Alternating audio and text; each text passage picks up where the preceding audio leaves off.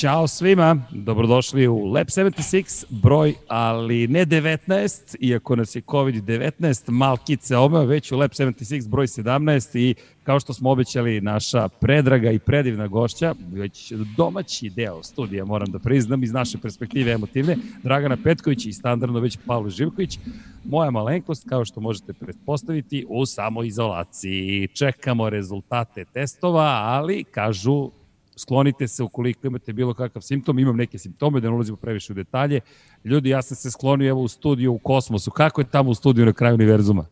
Bolje nego kod tebe, sigurno. Ali ja verujem da, verujem da je to sve u redu, da ćemo da se družimo koliko već u petak ti i ja. Ne bi bilo dobro da bude suprotno, ali šta da radimo? Eto, nadamo se da će testovi biti dobri.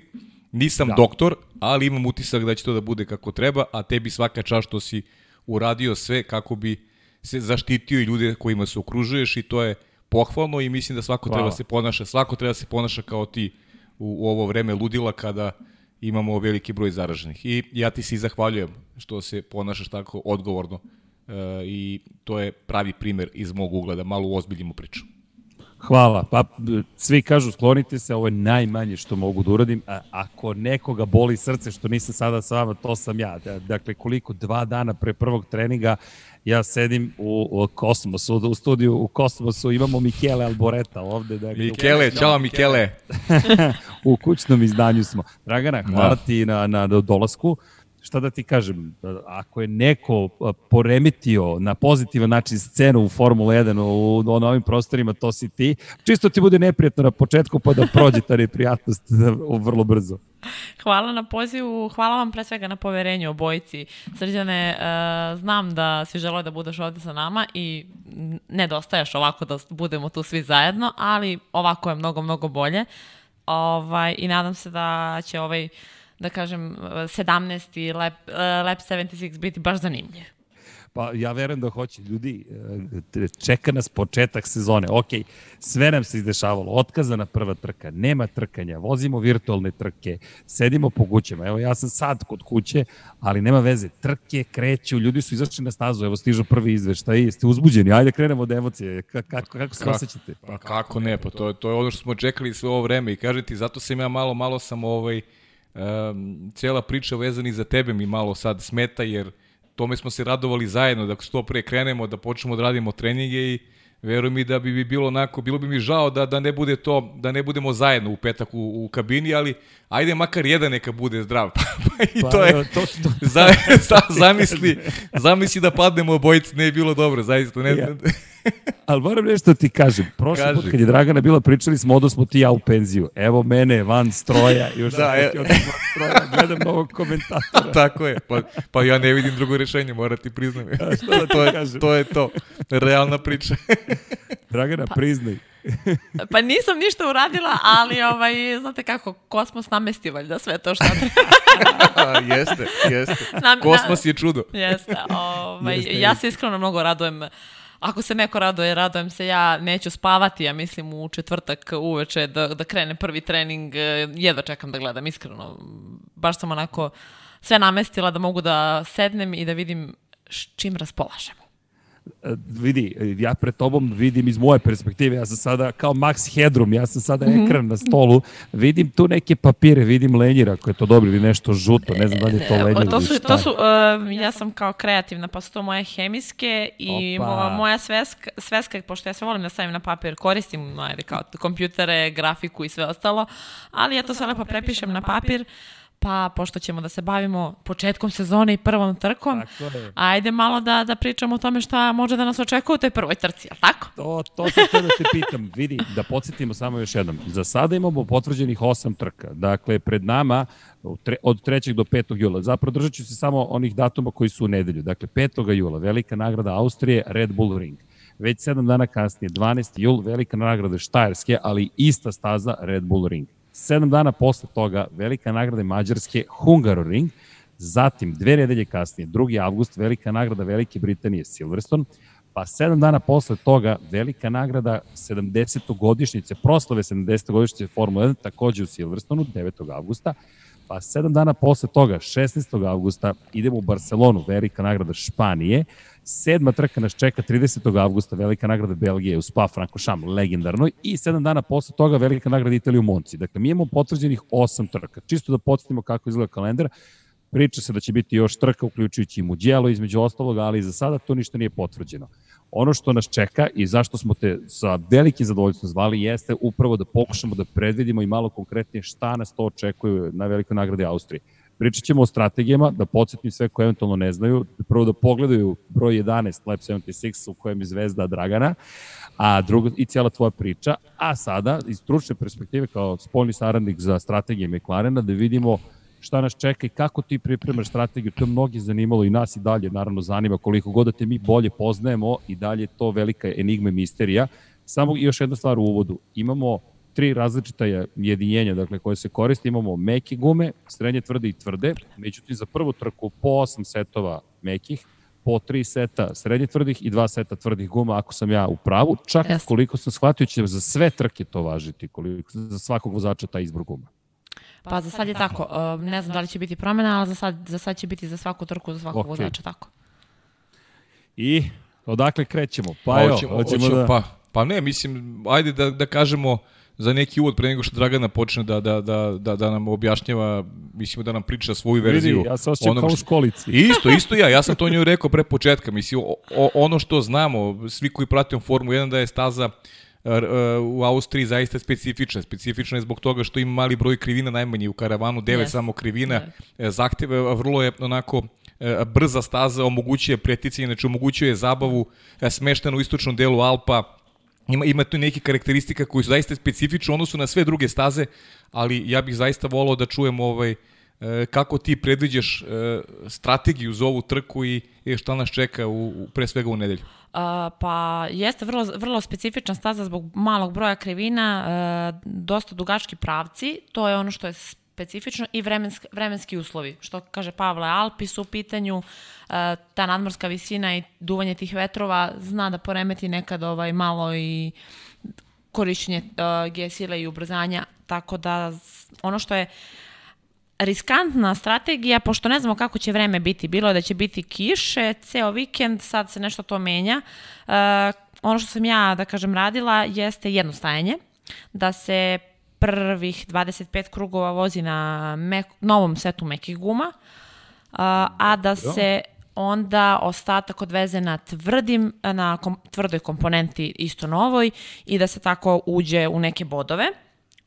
M, To jest da... Izvini, to je... ako mogu samo da uskočim, to znači pretpostavka ti, ako da te ja dobro sada razumem, da zapravo ne očekuješ prolazak u Q3 iz te perspektive, nego već od neke 11, ako ideš sa, ako se kreće sa novim gumama. Čisto da, da, da razumem i pričaš o bodovima eventualno. Uh, da, zato što, ajde da kažem, ja to gledam kroz negde McLaren i sve neke postavke, pa onda na osnovu toga postavljam strategiju ili ja, trku. nego samo da, da, da razumem, da, dakle, da. dakle po, poenta jeste borba jeste, za bodove. Jeste, poenta. Jer to jeste zanimljivo, mi niko ne zna koliko će ko biti jak, krećemo od prošle sezone praktično. Bukvalno. Tačno tako, ovaj, ta, ja gledam da biće, biće vrlo i nervoze kod vozača, pretpostavljam i dosta i kod njih neke treme, ono, zato što su, duga je bila pauza i sve ostalo, tako da mislim da će to dosta i njihov, njihova psihička spremnost uticati na to kako će se rangirati, tako da računam možda tamo 11. 12. pozicija, pa onda da, da gađamo na bodove.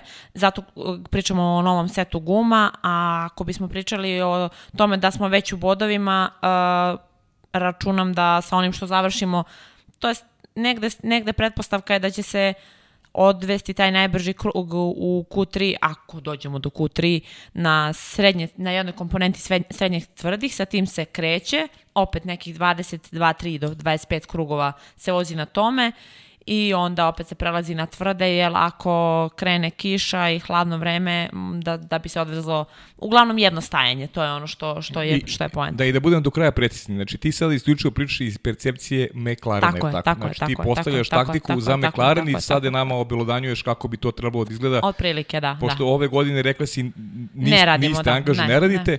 ali evo sad srđan je recimo Martin Wittmarš i ti sad njemu kažeš Martine, ovo je moja percepcija onoga što bi moglo da se dešava Tako u trci. je, u ovom slučaju da, da. Srđane kao, kao vođa ovog tima. Ok, ok, da. Ovaj, pe... Ali Paja me već otpustio, vidi, Martin Vitmarš je dobio otkaz. A ne, dobro, ne, ne, namjerno sam rekao Martin Vitmarš, namjerno sam rekao Martin, znaš, znaš i sam, to ćemo kasnije, kasnije ćemo o tome, da, da, znam zašto. Tako, tako, ne, ne, nego mi, nego mi je simpatično, ali mi je ovo zanimljivo, dakle, u suštini očekuješ da bude mala potrošnja guma, da, yes. da jednostavno dođemo do toga da imamo jedno stanje i da se na tome završi trka, ukoliko nas posluže vremenski uslovi. Tako je, tako je. Ako ostane ovako kako je, kako je sad, da ne kažem... Uh, na radaru? Na, na radaru, radaru biće ovaj, tipujemo na, na jedno stajanje da se, da se tako završi uh, trka, jer uh, kako se kako bolid bude otpuštao gorivo tokom uh, sektora i tokom krugova, uh, sve će brži i brži posta, uh, postajati. Onda imamo, pošto imamo nov set uh,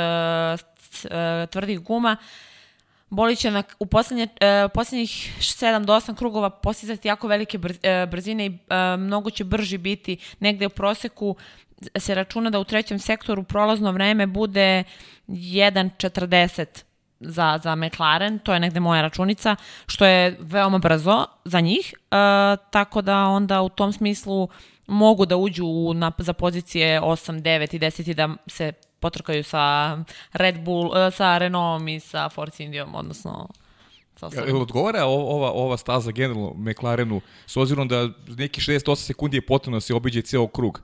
E, pa. mislim da tu onako dominiraju i sigurno će dominirati ovi jači agregati i Mercedesovi i Ferrari svega. Uh, pa i ne, i ne baš moram da priznam. Uh, ova staza nije nešto što McLarenu može da, da kažem, da McLaren može da dobaci trenutno, da, da, da se razumemo, nadamo se sledeće sezone će biti drugačije.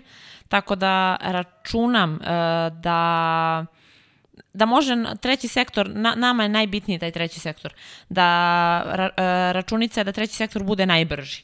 Zato što kad izađemo iz uh, tih brzih krivina uh, 6 i 7, ulazimo u taj kratak pravac, krivina 8, 9 i kad uh, startnom ciljnom pravcu, što znači da tu mogu da uzmu velika preti, da mogu da postignu preticanje uz DRS ovaj, sistem, tako da to je ono za šta, za šta McLaren može da se bori za te neke bodove. Tako da mislim da je to negde optimum. Uh, što se tiče goriva, potrošnja treba da bude nekih 105 kg da, do kraja trke, pošto tankujemo do, do kraja, 110, tako da to je u suštini to. Uh, prvi sektor uh, može da bude zanimljiv uh, za McLaren iz prostog razloga što imate uh, mali broj krivina i dugačak pravac. Tako da opet imaju dovoljno vremena što se tiče da razviju brzinu da posle prve krivine, druge mogu da, da se približe ostalim timovima i da uđu u tu DRS zonu ovaj, opet za, za neko trkanje. Da te pitam, jedna od informacija koju, koju, koju Renault je dostavljao prošle godine za ovu stazu konkretno je bila da, da na svakih izgubljenih 10 kg goriva je zapravo smanjenje, to je da se ubrzava bolid za oko dve desetinke po, po krugu. Uh, i da je to zapravo najmanja promena u odnosu na sve ostale staze, zapravo da je Austrija po tome specifična. Pretpostavljam da to ima veze i sa dužinom kruga i sad na tom nadmorskom visinu koju spomenjemo, gde, gde motori malo više rade i gde je potrošnja goriva generalno veća da bi se postigala neophodna snaga, pošto da. je jednostavno manja koncentracija kiselnika. Pa ne samo to, seđe, najviži i najniži deo staze se razlikuju za 65 metara nadmorske yes, visine, yes. što je takođe jedna ozbiljna specifičnost uh, ove staze u Austriji. Yes, yes. Pa ona je znači ima na tom, na tom, u tom, na tom prvom pravcu onako ozbiljno, da kažem, o, nagib, tako da treba, treba im dosta ovaj... To je uspon ka trećoj jest, krivini. Jeste, je uspon ka trećoj krivini. Pa mislim, druga ili treća, zavisi kako je ko zove. Nekad je bila krivina broj 2, sad je krivina tako broj 3 zvanično. Čisto da se zna zašto ponekad zabune. Neki put je 9 krivina, neki put 10. 10. Jest, pa zato što u suštini sad to što vode pod drugom krivinom Ja ne znam i dalje Ni da li krivina, e. To, to, to jeste, jeste. zavoj, ali okej. Okay. Dobro, sad je vode da. kao krivinu broj 2. Čisto, čisto zbog razumevanja, zato što je to krivina broj 2, pa je krivina broj 3 gore na vrhu i onda kad dođemo na vrh, praktično se spuštaju kao oni četvorci, gde, gde se uglavnom i napadi, to jeste DRS jest. zona. Tako je. Da, da, i kad da te pitam, kad kažeš treći sektor, uh, misliš na onaj naš treći sektor, treći deo staze? Treći deo staze, na... treći okay, deo staze. Okay, pošto treći znam da smo prošli put da, da smo baš pričali o tome. Da, i tu su ti, dakle, kad kažeš 1-3, dakle, kad to, to, to očekivanja su ti, pošto e, za ceo krug je potrebno oko minuti 5 sekundi, tako, da. kvalifikacijama, tako nešto.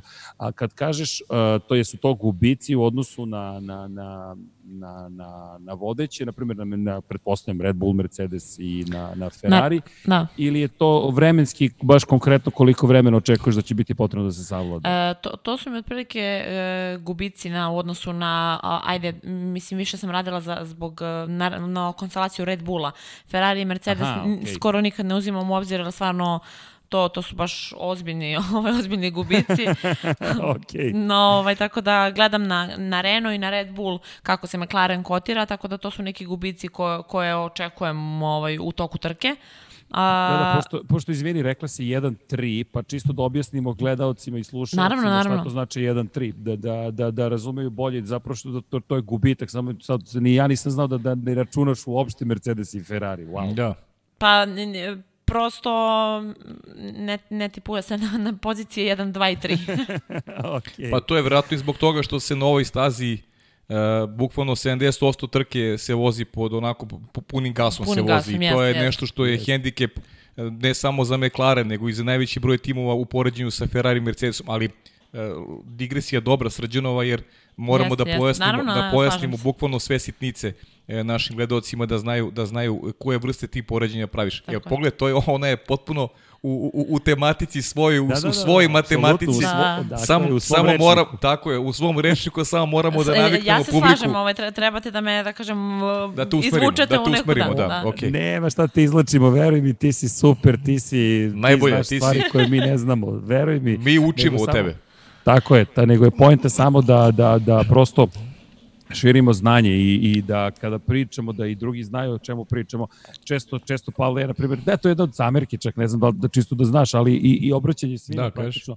Često govorimo DRS šta je, to je naša obaveza. Dakle, DRS, zato što možda neko prvi put gleda Formulu 1, DRS. Ne, ne, ali ne mogu da verujem da ti sada to pričaš. malo pre. Ja, ne zbog čega, malo pre sam govorio, malo pre sam Pixiju govorio kakve smo imali ti ja za ovih 10 godina ovaj, kako su nas ljudi pod nacijom navoda učili poslu, ovaj, i da se mi obraćamo, da imamo obavezu prosto profesionalnu, da se obraćamo ljudima koji su možda prvi put uz nas. Tako je. Ne podrazumeva se, ne podrazumeva da se da, da, da svi sve znaju.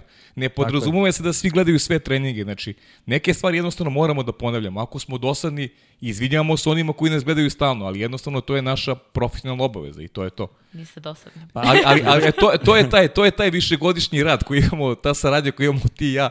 Evo, bukvalno pričamo o tome pred, pre nego što se uključio. Ovo, nevjerovatno. Nadovezao se samo na temu. Eto. Vidi, možemo da budemo fizički odvojeni, ali kosmos to spaja. Ko, ko, tako je, to je to. to, je to. E, znaš šta kaže Daniel J. Burstyn? To je čuvena, u poslovnom svetu se često koristi izjava. Kaže, je, kaže, najveća, najveća zapravo prepreka otkriću i u njegovom slučaju je bilo oblika zemlje, kontinenta i okeana, nije bilo neznanje, već iluzija znanja. Tako da je Tako najveći da. problem kad misliš da znaš nešto, a nećeš da saslušaš drugoga. Zato mi uvijek insistiramo na tome da saslušamo, da razumemo i onda pokušamo da obradimo tu informaciju. To, to je nekako, to je nekako specifično, ne, ne zamerite, specifično je neko. Neću reći samo za ovo podneblje, ali Jeste. ljudi neko imaju to kao Jeste. taj stav da sve znaju, znaš, to je malo...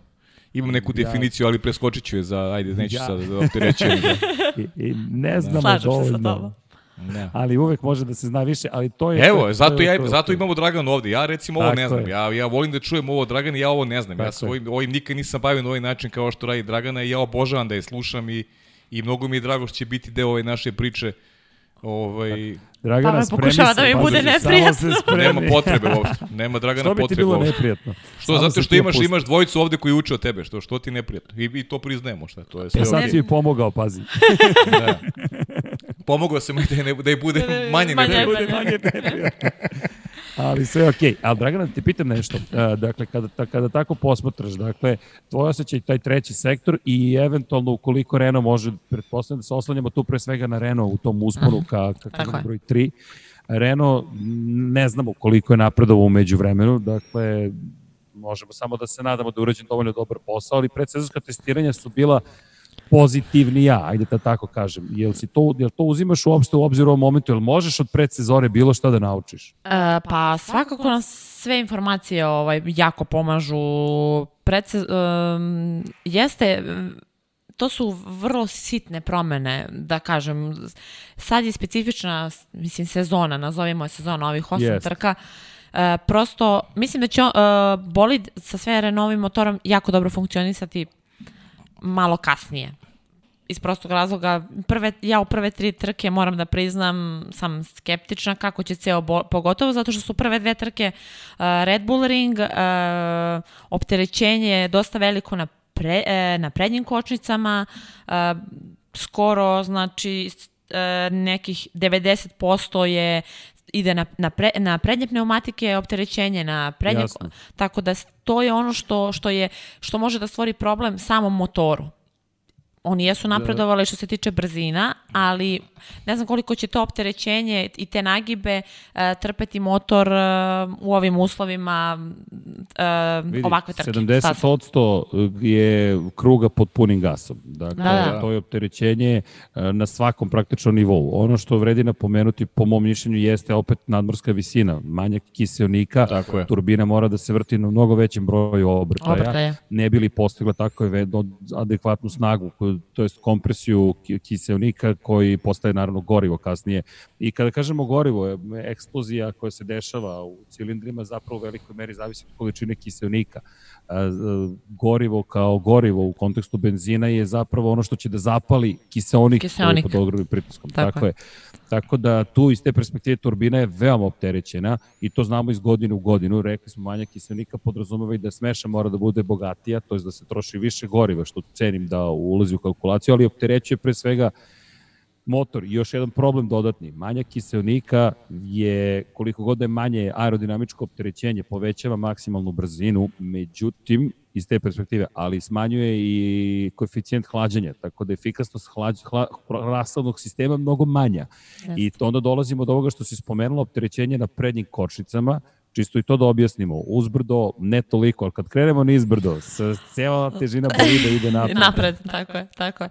I samo to strujenje vazduha, što, ono što si ti rekao, ovaj, to, taj aero, to, da kažem, hlađenje, taj hla, sistem hlađenja uzbrdo i funkcioniše, ali kad krenemo nizbrdo posle te treće Jasne. krivine, e onda tu, tu motor uh, gubi na, na, na snazi, uh, zato je najkritičniji što se tiče McLarena drugi sektor, to, to će biti... To su ne, one krivine 6, 7. 6, 7 jeste. Da. One su mnogo brze. Znači, iz, iz, pozici, iz ove pozicije su vrlo brze krivine. One uh, sve idu na unutrašnju stranu, jedna za drugom.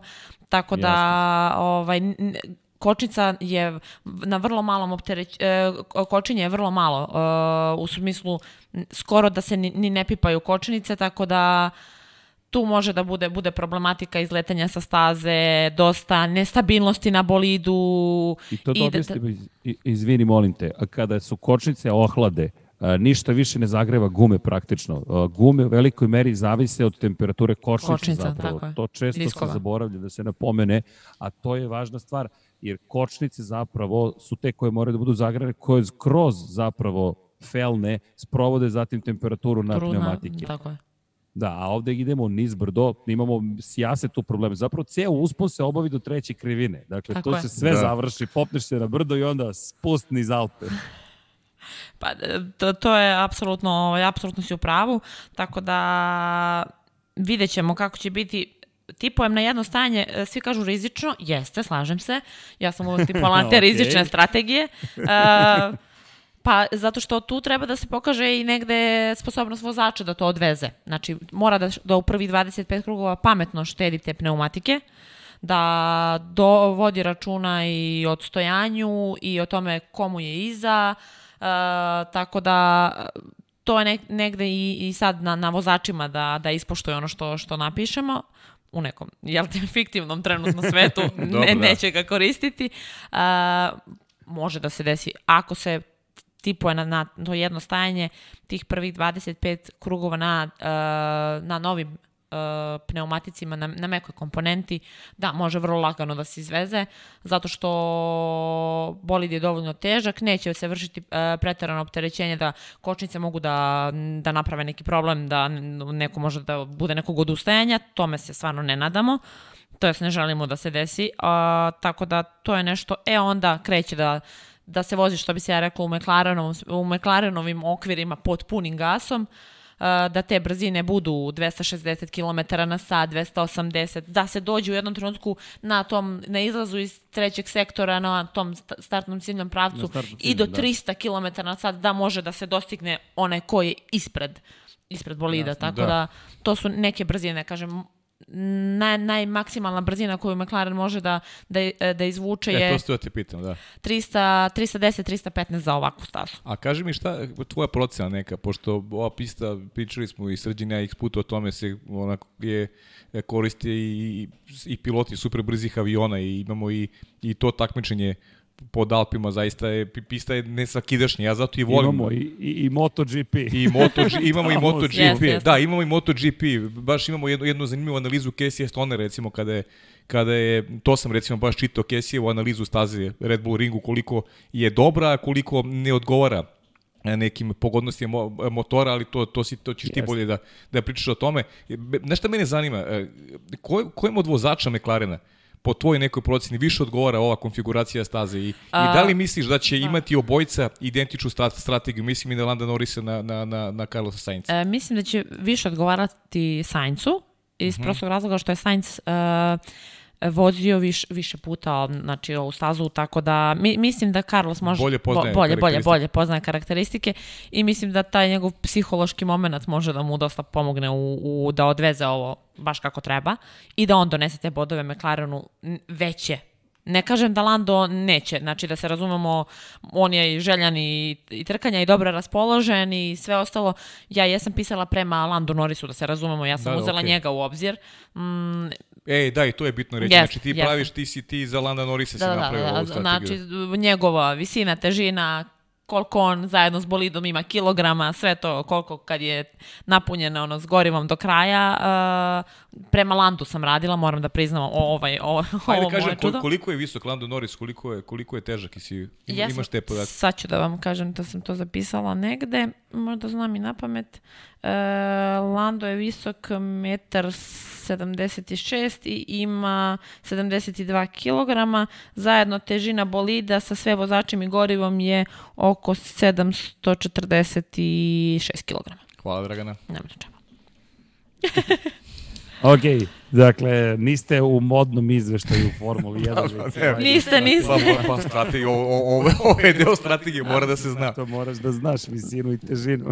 Tako je. To su ovaj, parametri koji će nam ajde da pom, nam pomažu u tome da oni budu što brže poenta, stvarno da, da dostignu te neke brzine, ali kažem, optimalna neka brzina u tim krivinama kao što 6, 6 i 7 su da 267 km na sat je ono da baš budu u fulu da je da, da ga odvezu da, da, da. baš kako treba bez jedne greške. U krivinama. Jeste, da, da, da, wow. da, da, to, da to bude. Ne, samo da napomenemo, to je u pa, krivinama. Ne, ne to je oko pet sila zemljine teže, teže. bočnog ubrzanja. Jeste. To da biste preživeli, da ne, se ne nesvestite, morate da budete u vrhunskoj fizičkoj pripremljenosti.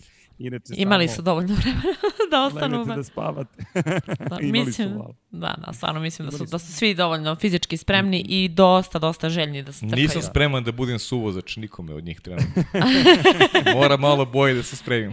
Dobro, pa evo, mi smo se drugačije pripremali za sezonu, čekaj. Da, da, drugačije, da. Drugi smo više imali ove taktičke pripreme, taktičke pripreme više. Intelektualno, intelektualno. Intelektualne, pa to, to, to, to. Više nego fizički. smo Draganu, rešili smo pitanje intelekta. Mi smo sve sad rešili, sve smo rešili. Ali, Dragan, imam još par pitanja, izvini, vezano ne. baš za strategiju. Pre nego što se malo bacimo i na, na, na ajde, predviđenje, malo sezona nam je stigla, svi smo uzbuđeni. A, dve stvari. Da li praviš rezervnu strategiju u slučaju da ili obrnuto u slučaju da ne uđete, to je da uđete u Q3. Da li imaš još jednu strategiju koja kaže ok, ušli smo u Q3 i ukoliko uđemo, moramo da pristupimo toj strategiji na ovaj način. Za one koji možda nisu dugo gledali Formulu 1 ili, ili prvi put slušaju Lab 76 i prate, 10 najboljih vozača, imamo kvalifikacije podeljene na tri dela, Q1, Q2, Q3, Q3. iz uh, Q1 18 ide dalje, iz Q, 15 prosto ide dalje, iz Q2 10 ide dalje. Onih 10 koji uđe u Q3 moraju da startuju trku na gumama, fizičkim gumama na kojima su se takmičili u Q2. Yes. Tako je. E sad, da li to uzimaš uopšte u obzir, da li kažeš, ok, moram da imam spremnu još jednu strategiju ili to nije deo tvoje obaveze? Tvoje deo obaveze da kažeš, ok, prvo trenutnim rezultatima, ovo je neka strategija koju mi? Um, pa u suštini uh, sve zavisi šta nam daju za zadatak. Ja moram da priznam, okay. znači nekad da mi kažu ok, uh, mi smo napravili to da ulazimo u Q3, znači imamo takvu strategiju, Jasno. aj sad nama treba, ako se to desi, uh, treba Jasno. nam tvoja kalkulacija na, na, za osnovu, na osnovu toga. Ja sam se sad, jel te, jel, smo specijalno izdanje, ja sam se pripremila Naravno. za tu neku varijantu da A, dve neke dobro. strategije uh, pričala Pazi, sam o tom. ja nisam znao, samo, samo da se zna, ja nisam znao, ja sam potpuno odvojen. Meni je rekla, meni. meni je malo rekla, dobro, ti si sad malo izopšten ja, si malo. Ja sam sa Pavlom pričala. ovaj... izopšten si malo, ok, malo si nam sad, uskočio si u neki naš reon. Šalim se, naravno, šalim se, naravno, ali logično, ne, logično pitanje. Pa da, logično pitanje, da. Ovaj, uh, po, ako se desi da se odveze do, do, dobri krugovi ovaj, i da uđemo u Q3, uh, onda se trebalo bi iz Q2 da se ide na srednju tvrdu komponentu, Dobro. da se, uzme, da se iz Q2 uzme nova komponenta srednje tvrda i da se dakle, s tim... Izvini, na srednjoj tvrdoj da se prođe u Q3. U Q3, da. Tako je, tako je, tako je, tako je, tako je, tako je. Tako je. Dobro, dobro, dobro. pa, ali da se uzme nova komponenta, znači to je da, da jako da, nove bitno. Gume, da, da. Nove gume. Ako se prođe u Q2, uh, i da se uđe, da se takmiči za, da kažem, prvih e, deset, onda se pred Q3 stavljaju gumama, nove gume, e, da bi Jasno. one kasnije, pošto su, jel te, srednje tvrde, one mogu da, iako su istrošene po tim, da kažem, brzim krugovima, mogu da izdrže 25 krugova. Njih postavljam jasno. kao konstelaciju da su nove meke. Eto, jasno, to, je, jasno, to, to je ta, to je ta ovaj, postavka, da se opet ide na jedno stajanje. Nove uključujući i krugove u Q2. Da, da, da, da, da, da, da. Ok. Ma da ja nešto, i, i, i, i, da, izvini, ja, ajde sad malo digresi jedna, ja imam neki utisak da da generalno bi to moglo bude strategija generalno za trku i pogotovo ih i vodećih timova da. Ja ja isto da ćemo, mislim da, da će biti ne, da da nećemo vidjeti upotrebu da nećemo vidjeti upotrebu uopšte ove najmekše komponente. Imam neki utisak.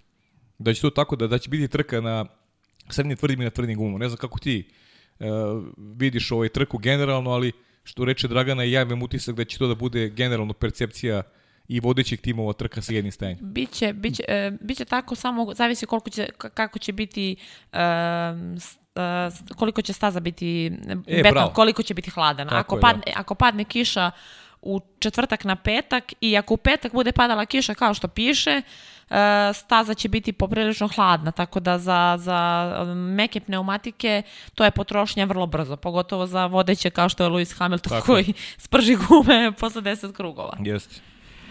Da, pa prošle godine i jedno stajanje smo imali. Jeste, jeste, da. U suštini i, Charles, i Max Verstappen koji je pobedio, Charles Leclerc koji je bio drugi i Valtteri Bottas koji je bio na, na, na trećem mestu. Još ako se ne varam, sređenje prošle godine je presvučen i asfalt, ako si ja ne varam. Jeste. Tako, jeste, prošle godine je presvučen asfalt, da, tako da. Pred, pred prošlu, prošlu sezonu, tako je, tako, tako je, tako. da, da. Jeste, ono što, ono što je, ajde da, da samo da, da, da napomenemo, a, kada već se vraćamo, čisto da, da, da prođemo sve. Prošle godine je u Q3 zapravo Max Verstappen u Red Bullu prešao, ušao sa C3 komponentom, to, to, to je jedinjenjem. To je srednje tvrda guma. Tako. Dakle, u skladu sa onim što si upravo rekla, mi ako pogledamo prošlogodišnje rezultate, dakle, na C3 gumi, na srednje tvrdim gumama je započeo trku i potom je prešao na tvrdu, na tvrdu gumu, što da. je u skladu sa onim što si najavila. Ono što je zanimljivo, Charles Leclerc i Sebastian Vettel su na making gumama prošli dalje, dakle od vodećih, a Mercedesi su isto na srednje tvrdim prošli dalje. I svi su prelazili na tvrde gume, dakle niko praktično nije koristio meku osim Fetela koji je imao stajanje više i bio četvrti na kraju, koji je krenuo meka, pa je prešao na tvrdu, pa se vratio na meku. Pa, zato što je on morao, ta meka koju je on uh, koristio u Q3, je bila već dovoljno istrošena uh, i onda je morao da ima dva stajanja. Prosto ne, ne bi mogao da završi s jednim stajanjem. Jasne, jasne. Nema šanse. A trebale su mu brzi, trebala mu je brzina za kraj ako je hteo da juri to, tu poziciju 3. ali to i pomoglo Maxu prošle godine. Max je u 31. od 71. kruga prešao na zamenu guma. To je bilo fascinantno, ja moram da priznam. Niko to, niko to, znači po svim kalkulacijama, ja, ja, sam, ja sam se njemu divila. To, to je bila luda trka, ja gledam, znači 26. i 27. ja kao što ne odlazi u boks, kao ajde idi u boks čoveč, ako idi. I kad je on posle 31. kruga otišao u boks i završio kao prvi, ali videlo, videlo se što, vi, što ti kaže srđene, Fetel mu je stvarno, stvarno pomogao što se to, to, to ta njegova... Dobro, ali, ali taj duel sa Leclerom zaista strašan pritisak trka. je, strašan da. pritisak je uradio na, na, na Leclera i jest, jest, jest. blistava pobjeda. Zaista si, ja, ja se rado sećam te trke u Austriji, jedna od lepših koje bila zanim, prošle, ba, baš je bila baš ultra zanimljiva je bila. E, da, da, žel, isto tako da. možemo i sad. pa ja se nadam da će biti tako, pa, zaista. Vidi, držimo palčeve. Ako pogledaš, svi smo se spremili, čujte, ko, ko gleda, slash, gleda i sluša, dakle, sleša, dakle, sluša i gleda, inače možete da nas slušate i na podcastima, na Apple podcastu, i na Google podcastima, sa svugde smo. I na bravo, RSS, bravo, srđane, tako je, se hvalimo malo i treba tako. Tako je, tako je, tako. Svaka dakle, čast. Možete da nas slušate, možete i da nas gledate, makar kada je Dragana tu. Hvala ti, što, hvala ti što protežiraš, što protežiraš kompletnu ovu našu malu zajednicu ovde koja Naravno. već postoji, koja je okupljena oko ovog studija. Ima nas sada već dosta i radimo, bavimo se različitim temama i... Smem ja da ubacim jednu pod kapicom temu da ubacim. Tako je, dobro, da. to ćemo, o tome ćemo sutra, ajde, da, bravo. Ali, ali, ali moram ja da spomenem, i, hvala i uplovile su tu i vode neke. Jesu, da, da, super, super, da, plivamo, da, ima svega, da, i super, baš je ovaj onako lepo, raznovrsno i baš onako sportski. Inspirisani smo za, za, za više tema, da, to je super. E, znaš ko je sinoć bio? Moram da ti se pohvalim isto. A, znam, Majunas. Po, pohvalio mi se, Vuk mi se pohvalio, vidio sam ga juče, sinoć sam ga vidio u redakciji, bio je onako baš euforičan, meni ne znači ništa, ali mi je objasnio ko je u pitanju, tako da sam tako da se razume, jer ja zaista ne pratim. Ali i Vanja mi objasnio, pošto Vanja je onako... To sam te ti kažem, Vanja verovatno Vanja, Vanja, je, Vanja je ona, po, polivalentan tip, ono, razumeš se u više stvari, kad je sport u pitanju, onako zanima ga baš nešto što ja ne pratim, ali eto, objasnio on meni ko je to. Tako da, super, Vidi, sjajno, sjajna vest. Legenda. Ali eto, još jedna osoba u studiju, Andrija Prlinović je bio prošle nedelje, Jest. Dragana, Đoković, Lajević, pa, da, svašta se tu događa, dakle, svašta. bilo je baš mnogo ljudi. I Mićo Aleksića čekamo sutra, tako da eto, to je to. To sam te da ti kažem. Ali bit će, pazi, doći će nama, vidi, samo čekamo ko će prvi iz Formule 1 ili MotoGP da nam dođe i fizički, ali o tom potom. O tom potom. Biće, biće pa evo, došli iz Formule 1, došla Dragana prvo. to svakako, to svakako. A, da. Dakle, kada je reč o strategijama, kažem, svi smo se spremili a, i pogledali smo prošlogodišnje strategije, šta se događalo. Samo dve osobe su zapravo imali ekstremnije, da kažemo, strategije od ljudi od kojih očekujemo neki dobar rezultat. Jedan od njih je bio Carlos Sainz, koji je na srednje tvrdim gumama, ali on je imao problem u kvalifikacijama. Carlos je i, i Carlos zapravo je imao problem, on nije ni imao kvalifikacijani brzi krug u Q2, on je startovao 15. ali opet imao dobru strategiju i Carlos je na kraju posle 41 kruga menjao gume, ali to je bilo iznuđeno, to nije bilo planirano poput Nije. Maxa koji je bio u borbi za pobedu. Ma, prosto Carlos je imao ekstremnu situaciju u kojoj je pokušavao da se izvuče iz, iz nečega i da, da dođe do poena. Na kraju bio osmi, što je bio super rezultat. Lando, inače, Norris završio na šestoj poziciji prošle godine u Austriji. McLaren je zaista imao lep vikend. A, ali sam htio da te to pitam, a, to, to su još ta dva pitanja, pošto Lando je prošle godine bio zaista e, spektakularan u kvalifikacijama. Napomenuo bih još jednu stvar samo. U Austriji jedna desetinka je razlika između toga da li ćete biti peti ili ćete biti deveti ili vas možda uopšte neće biti u Q3 kvali, delu kvalifikacija. Ovde je jedna desetinka mnogo skupa. Konkretno Kevin Magnussen 1.4.072 je vozio, bio je peti, Pierre Gasly je vozio 1.04, 1.04, 1.99 i bio je deveti. Dakle, govorimo o desetinki i po i manje od toga. Pa to je speci, specifičnost tih, yes. uslovno rečeno, kraćih staza, pogotovo Austrije. Kakva, kakva, ono, bukvalno, vrlo brzo, vrlo brzo. Bukvalno jedan treptaj oka deli yes. treće plasiranog i recimo 11. plasiranog. Dobro, ali Dragana, ti si optim, ne optimistična, već rezervisana. Dakle, ideš oprezno u, no, pr, u novu I, sezonu. Da, ili vidiš oba vozača u poenima? Vidim. Moram da priznam, vidim. I, vidi, taj i, osmeh je, se vidi na licu. Da, da, da. Odavde vidim osmeh. jest, jest. Iako si u kosmosu, jel da? Iz kosmosa vidim Da, vidi, vidi. Ovaj, pri, priznajem da ih, da ih vidim. Uh, promene na Renault su minimalne, mogu da nam znače mnogo. Uh, ima malo promena i na prednjem krilu, na, tim, na, post, na postavci prednjeg krila, što može da nam donese dobar protok vazduha i da nemamo baš toliko pregne, pregrevanja tih e, prednjih ovaj, kočnica, tako da momci neka, neka se potrude, neka zgaze i može to da, da bude dobro. Mm, vidjet ćemo kakva će biti ovaj, strategija, imamo još par, par dana. Do, do, u petak ujutru će se već sve znati, a ja, ću vidjeti da li, da li ovo moje, da, da li sam zarđala, da, da, da sam zaboravila šta treba da radim.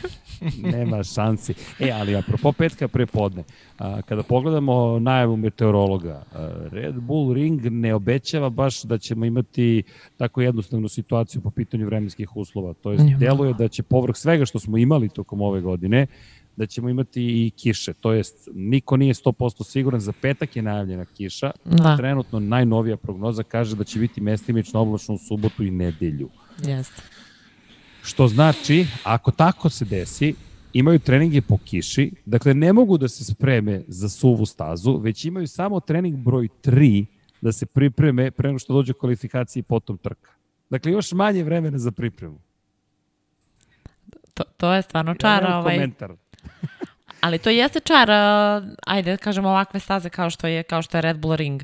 Iz prostog razloga, ako bude padala kiša u petak, oni će bukvalno imati pripremu samih, samih sebe, ono, kako se oni osjećaju u bolidu, da se oni, da kažem, priviknu i to, za to će im služiti trenizi 1 i 2 u petak. U Jasno, subotu. To je psihološka priprema. Psihološka priprema, eto jednostavno vratili smo se u pravi bolid, ne vozimo više simulatore ili šta god, nismo više ono virtualno trkanje, ne sedimo u svojim kućama, nego šiba nas malo vetar, malo nam pada kiša na, na vizire i sve ostalo. Uh, i da jednostavno se naviknu da sede ponovo u tim bolidima, ali to stvarno jeste priprema kao i za sve i ja posle moje pauze za masažu, kad dođem prva masaža uvek onako, da kažem, kruća ne, nego ostale. Pripremna. Pripremna, jeste. E, onda imaju kut, da kažem, taj tu, tre, treći trening ujutru u subotu da osete stazu kao suvu, pošto će u nedelju po svemu sudeći subota i nedelja identično je, ovaj, identično će biti vreme, oblačno. Da, tako je sa, Da, sa malo, malo vetra. Uh, ja mislim da je najavljen taj neki blagi severozapadni vetar, tako da uh, bit će to ovaj, da se tome prilagode, tako da u suštini pripreme za, trku, pripreme za kvalifikacije nemaju, pripreme za trku imaju što se tiče, imaju taj treći trening i te kvalifikacije, pa ajde da vidimo. A ko tu ima mirniju glavu kada pričamo o tim pošto znamo da, da, da zavisi od, od karaktera čoveka, te neke nepredviđene okolnosti znaju da utiču na, na, na psihu, na, na, na, na neko ko nije e, stabilan do kraja, može, mogu takve stvari da, da, da definitivno utiču na ishod. E, ko je tu mentalno jači? Ko se bolje prilagođava uh, različitim i vremenskim uslovima i nekim nepredviđenim situacijama, ko to bolje hendluje od dvojice vozača koji su a, trenutno u McLarenu? Kako ti to vidiš? A, Bez obzira što si ti naravno na strani garaže koja pripada Lando, Lando Norrisu, Norrisu ali kako ti vidiš tu taj, taj odnos snaga u tom pogledu između dvojice vozača? Moram da priznam da je kod njih vrlo varira, ali ajde da se držimo Red Bull ringa, ali to nam je kao prva, prva ovaj, trka. Mislim da će po svemu sudeći Sainz uh, da, da mm, on je možda psihički, zato što je, aj, ima iskustvo, stariji od Landa Norrisa, mo, moram da priznam. Mo, možda će uh, Landa da odrade i emocije, kreću, pa sezona, pa sad mora da se pokaže vrlo kratko vreme, nemaju pauzu. Moguće da će njega malo taj pritisak ovaj, kao Novajlije da, da, da, da ga, ajde da kažem, da ga odradi na neku na neku lošiju možda ovaj uh, Strate, da, da, da, da, to, da te kvalifikacije budu možda malo lošije u odnosu na, na Sainca. Zato što mislim da je Carlos rasterećen. Ide u Ferrari, e, jednostavno vidi se na njemu da je da ono vozim ovo da ostanem s McLarenom u najboljim mogućim odnosima i da to sve bude super i da se svi rado sećamo ove sezone tako da mislim da da što se tiče te, te tog psihološkog momenta e, negde ajde da dajem prednost e, Carlosu Saincu, mada spremala sam tako da će, strategiju tako da će Lando biti ono u full fokusiran i da će on to odvesti maksimalno kako treba. Da, interesantno, dobro. Da. Mislim, pa, dobro, znaš kako? ima dobar rezultat iz prvog pokušaja. Yes, ima, ima, yes, ima, yes, ima dobar rezultat, a opet ono, nekako mene razmišljamo o tome šta je u glavi Carlosa Sainca, kakva je njegova percepcija, da li možemo i njega da, da svrstamo uh, onako u isti koš kao Sebastina Vettel, ja očekujem recimo Sebastian da bude rasterećen u popunosti, da to izvuče iz njega neki maksimum, znaš. Ali opet Carlosa Sainca ne poznajemo ga toliko dobro kao vozača i, i nije neko ko imao da kažem neke uspone velike u karijeri, da li taj Znaš, da, da li taj odlazak iz McLarena činjenica ide, da ide na jedan stepenik, ne stepenik, nego tri stepenika više u karijeri u ovom trenutku, bez obzira što je McLaren velika se, ekipa. Ne, slažem se, slažem se. Da li će to iz njega da izvuče maksimum ili, ili će da bude u fazonu, ok, ja sam napravio nešto veliko i sad mogu da negde u svojoj glavi da se priprema za ono što me čeka sledeće godine bez nekih velikih obaveza prema ekipi koja mi je negde pomogla da ba, ne mislim da, da, baš da, iz tog da razloga mislim da da će Carlos da se oduži ekipi na ovaj način tako što će da, da odradi maksimalno dobro sezonu uh, ovako kratku i da će biti u sezonu vi ste mi bili vetar u leđa što realno McLaren i jeste Carlos Sainzu bio Jest. bio mu je vetar u leđa za za taj Ferrari i želim mu svu sreću u nastavku sezone i da se nametne u Ferrariju ja bih iskreno volela ovaj mislim da će Dragana. on Ja ti kažem hoće. ja, ja, ja bih iskreno volala, is, a, tako da mislim da će on iz respekta prema McLarenu, jer u stvarno nije bilo nikakvih loših, ružnih emocija, reči u timu, to je bilo jedno onako prijateljsko, prijateljska, prijateljska atmosfera vlada u McLarenu, ja moram da priznam, između oba vozača, svih inženjera, nema šta, to, to se vidi i oseti. Ovaj, mislim da će on to da odradi onako ajmo za kraj dobro da se trkamo. Tako da i ja zato Super. mislim da će, a Lando možda ima taj mali onako da pokaže da je on ostao tu, da, da čeka svog novog uh, timskog saigrača i da je spreman da se takmiči na kraju sledeće sezone sa, sa, da, sa Ricardom. On, Tako on da, mora da se nametne. Mora, mora. Mora, da. Te. Uh, uh, njemu dolazi Daniel Ricardo. Daniel Ricardo mislim da će naredne godine biti najopasnije verzije Daniela Ricarda ikada.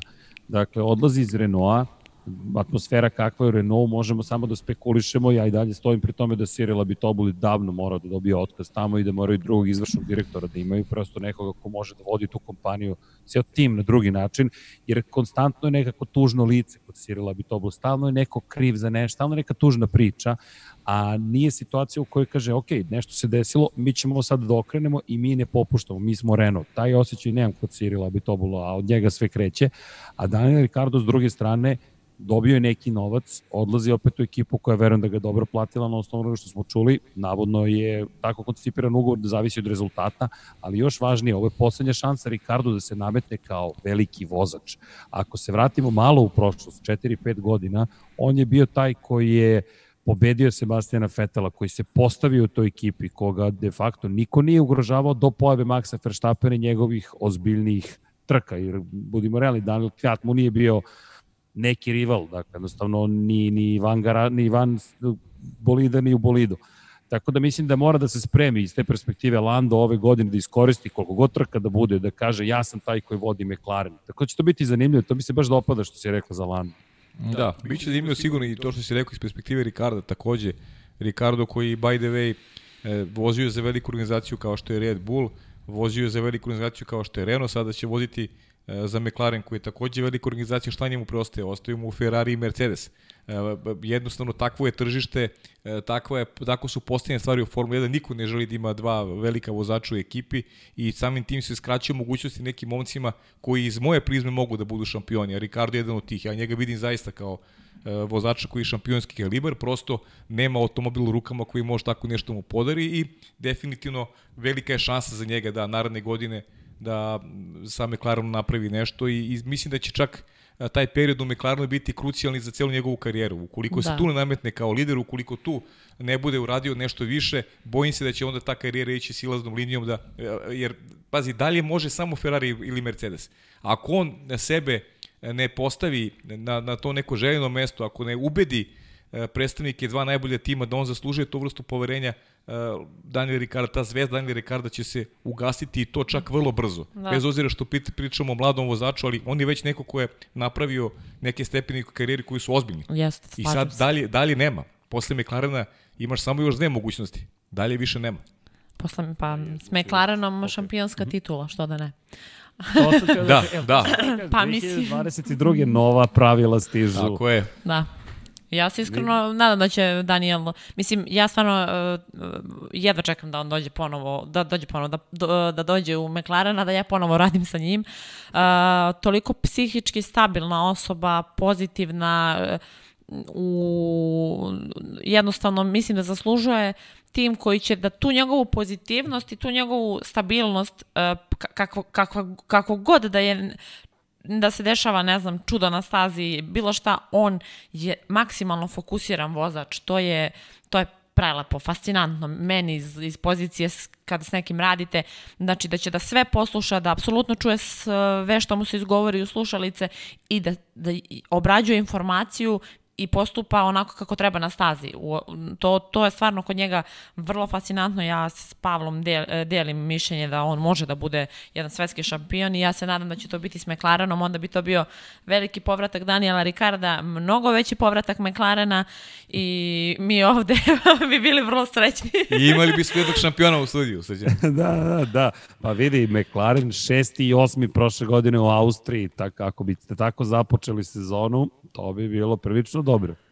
Pa da. ne, ne, ništa neću da kažem, sačekat, će, sačekat ćemo da vidimo. Uh, znam da su, da su sigurno ovaj, naši inženjeri to odradili pa perfektno da su da se trude. Najbolje što je moguće. Najbolje što je moguće, najbolje sa onim što raspolažemo, ali 2022 mislim da, da može da bude onako veliki comeback uh, McLarena kao trećeg tima kao što je nekad bilo ovaj McLaren, Red Bull, Ferrari, da će, da će 2020. biti Mercedes, Ferrari i McLaren. Uz dužno poštovanje Red Bullu, ali mislim da, da, da će to tako biti. Mislim, ja iskreno želim to. Dobro, ajmo, ajmo, ajmo da, da možeš par pitanja za strategiju prema što se bacimo na, na predviđenje trca koja nam Može. stiže. Ajmo ovako. Da li s obzirom na činjenicu da dolazi kiša, spremaš strategiju, na primjer kada je Austrija u pitanju ili Belgija, koja podrazumeva promenjive vremenske uslove i da li spremaš, na primjer, samo da će biti kiša? Da li uopšte može da se pripremi strategija toliko unapred za kišne vremenske uslove? Pa, e, ja volim da e, pripremim strategiju za promenljive uslove jer mnogo je bolje pripremiti strategiju koja ima uh, koja može da opstane i na suvo i na kiši okay. nego Kompromis. se da, da, zato što to donosi sigurno neke bodove. Ako idete na jednu varijantu ili na drugu varijantu, to može da vas dovede u fijasko, odnosno da dođe do, nekog, do neke, da kažem, panike, do nekih nepredviđenih okolnosti, uh, Tako da mnogo je bolje imati strategiju koja podržava i jedno i drugo, odnosno da te, da kažem, da te kalkulacije budu ja volim tu zlatnu sredinu. Ne kaže se za džabe da je zlatna sredina to nešto i kad računam ne uzimam ono maksimalno sad dve tri opcije e, raču, e, računanja na primjer vreme po krugu Jasno. ja imam jednu drugu i treću opciju prema a, nekoj računici, to je moje, prema, da kažem kako se to računa, e, ja uzmem onu srednju vrednost. Ne najnižu, e, ne najsporiju, ne najbržu opciju, ja uzmem srednju vrednost iz prostog razloga, tu im dajem na, na, na moram da kažem, na, na prostoru da mogu i da naprave neki kiks, tipa da malo izlete sa staze, da malo ne uđu dobro u krivinu, daš, daš prostora vozaču, ali opet mora to da popravi. Da kad on shvati da je negde pogrešio ili da je nešto napravio kako ne treba, ima prostora da to popravi i da taj krug bude što idealniji. To je jednostavno na, najbolja moguća varijanta. Sad za, za Red Bull Ring srednje, srednje vrednosti uh, po sektorima, znači ali onim sektorima na stazi, znači prvi, jasne, drugi, jasne, treći. Jasne, jasne, jasne. E, prvi sektor 16,6 sekundi. Dobro. Da se odveze. E, drugi sektor 28,4 sekunde i treći sektor 19,6 sekundi. Znači, to su neke srednje vrednosti prema računicama. Da, Izvini, da, taj... koliko si rekla za poslednji sektor, pošto sve piše? 19,6. 19,6. Tako je, tako je. 16, 6, 28, 4, 19, 6. Tako je, tako je, tako je. Dobro. Tako je. I čekaj, kako dolaziš do toga? To ti je računica na osnovu mase bolida, na osnovu prethodnih rezultata i na osnovu pretpostavke koji će vremenski uslovi biti u tom trenutku. Da, us, znači, uzim, uzim, da, uzima se uh, masa bolida, uzima se ta neka, ti, ti neki vremenski uslovi i uh, optimalna brzina. Uh, izračunamo, da kažem, tu srednju neku brzinu, maksimalnu srednju i najnižu brzinu uh, koju u toku jednog kruga vozač postiže. To je prosečna postiže. brzina zapravo. Dakle, yes. ma, minimalna prosečna, maksimalna prosečna i neka optimalna. Optimalna, tako je. E, na osnovu toga... Pa i položaj stazi, konkretno Austrija, verovatno, gde se zavisi jeste, od sektora... U, nizbrdo, uzbrdo, uzbrdo što bi se reklo. Je, da. e, znači, i ti neki... I jako bitna stavka, kako ulazimo u trku nekim vozačima, je bitno da li je, ne znam, krivina na unutra, Da li je kri... Dešava se, dešava se. da li je krivina na unutra ili je na spolja. Uh, jednostavno, taj ulazak u prvu krivinu uh, nam je jako isto bitan. Uh, da se vidi kakav će taj krug biti. Um, obojci vozača odgovara ovakva, ovakva mhm. konstalacija mm -hmm. ovaj, da kažem, kre, kretanja u, u, iz prve krivine. Tako da to su, to su neki, neki parametri koje, koje se uzimaju u obzir i e, kako se postavi boli, e, postavka bolida iz, iz boksa.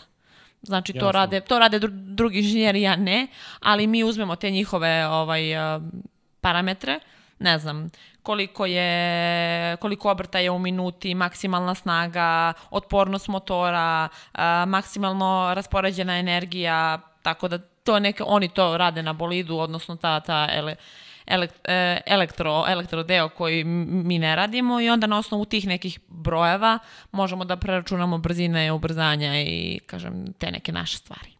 Jajno, dakle u suštini elektroničar i glavni i verovatno yes. inženjer yes. za elektroniku vam yes. pošalje podatke i kaže ok. Yes. Imate po, da, postavku kako, kako će bolid biti konfigurisan, i na osnovu te konfiguracije mi kao, aha, dobro, i onda računaj. A da te pitam, Matematika. da li... Da, matematika. Šta, šta, čekaj, kako je rekla Dragana? E, treba vam a, malo mašte, pa, pa, ne, da. dosta mašte, malo znanja matematike i malo znanja fizike. Jeste, malo, pa sve po malo. Crna Jet. Dragana, kako izgleda kad znaš mnogo matematike ili mnogo... Ja ne znam, ja ne znam, ja ne znam.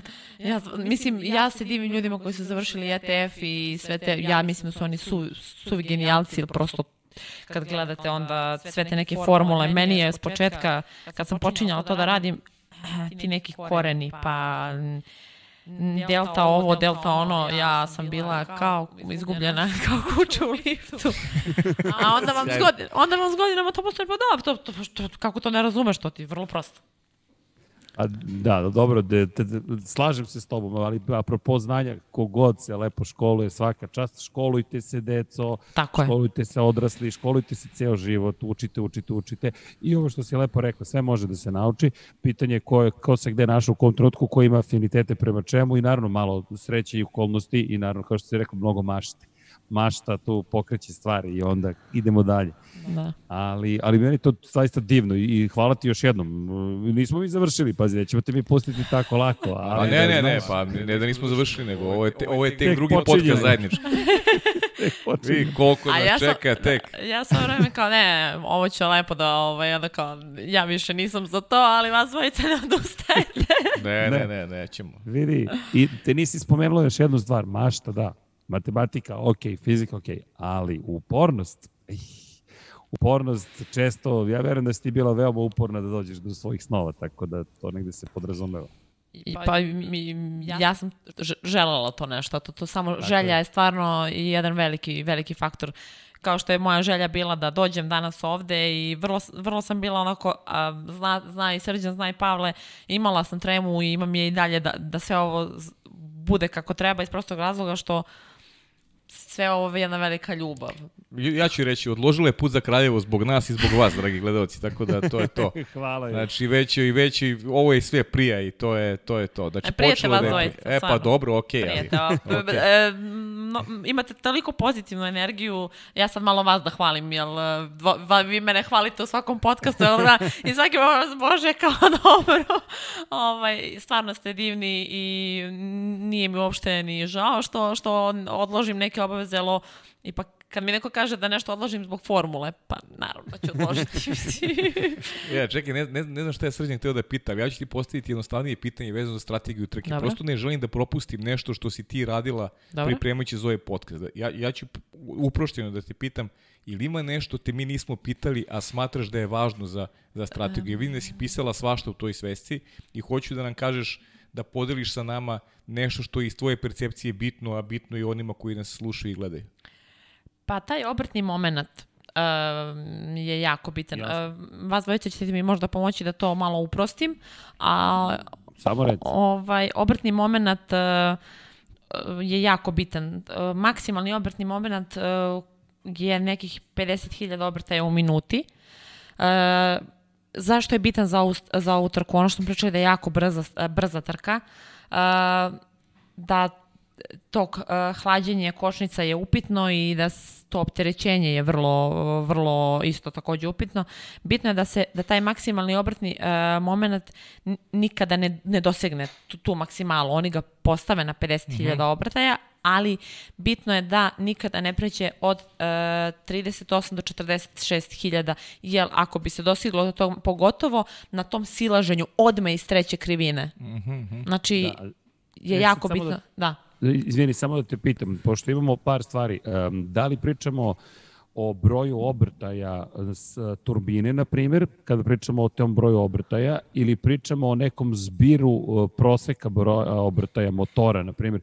E, broj obrtaja motora kod, kod, kod turbo motora koji se trenutno koristi negde oko, proseku oko 12, nije mogu da kažem u proseku, oko 12.000, čak neko nekad i manje obrte se menjaju u stepeni prenosa, ali kada spominješ 50.000 i 46.000 i tako dalje, to mi zvuči kao broj obrtaja turbine zapravo. Turbina, turbina, da. E, okej, okay, okej, okay. samo da. da spomenemo gledalcima, pošto verovatno ti podrazumevaš, ali čisto Zato da sam rekla da mi pomognete, da. To, to, to, to, to, to, jer ima dosta stvari i, ovaj, i kada govorimo o, o, o, o, čisto da budemo precizni zbog, zbog, i zbog širenja znanja i zbog informacija, uh, broj obrta je broj obrta, dakle, bukvalno broj obrta je koliko će puta osovina da se obrne turbine, za onih koji možda ne znaju, V motor je, dakle u pitanju ima šest cilindara, da. kolenasto vratilo ili popularna radilica, to su jedni brojevi obrtaja, to je tih 12.000, obično je između, sad zavisi od tima do tima gde je smeštena zapravo kompresor, gde je smeštena turbina, kod Mercedesa je kompresor smešten pozadi, turbina je smeštena napred, napred.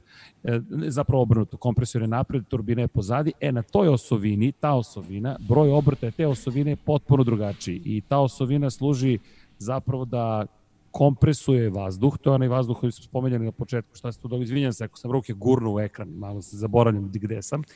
Dakle, kako kompresor turbina je pokrenuta izduvnim gasovima koji prelaze preko lopatice turbine. Turbina okreće potom tu osovinu, na toj osovini je kompresor. Kompresor služi da kompresuje vazduh, to je kiseonik pre svega iz vazduha, mm -hmm. to je cijel vazduh, ali kiseonik nam je bitan, i onda se direktno ubrizgava u komoru za sagorevanje pod ogromnim pritiskom zapravo ta sme, taj kiseonik u koji potom ulazi gorivo, koristi se uglavnom to takozvano mlazno paljenje, to ima pred komor, ali da ne komplikujem sad previše. E, to je taj broj obrtaja, dakle osovine, to je ono o čemu pričamo. Izvini da. sad za podužno ne, objašnjenje, ali... Ne, ako, ali slažem se da... Da, da ne propustimo to i, i imamo samo još da, da spomenemo, pošto spomenješ obrtni moment, čisto da ne zbunimo nikoga, obrtni moment je proizvod sile i m, zapravo um, u ovom slučaju, pošto govorimo o, i udaljenosti uh, delovanja sile do ose rotacije. To je, to je zapravo formulacija obratnog momenta.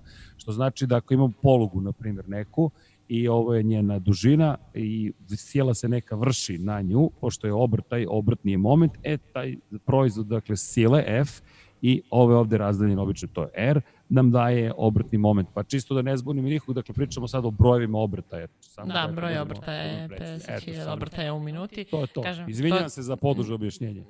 Ne, ja mislim... sam ti neka, nekada davno bio mašin, na mašinskom fakultetu, ali, ali sam otišao.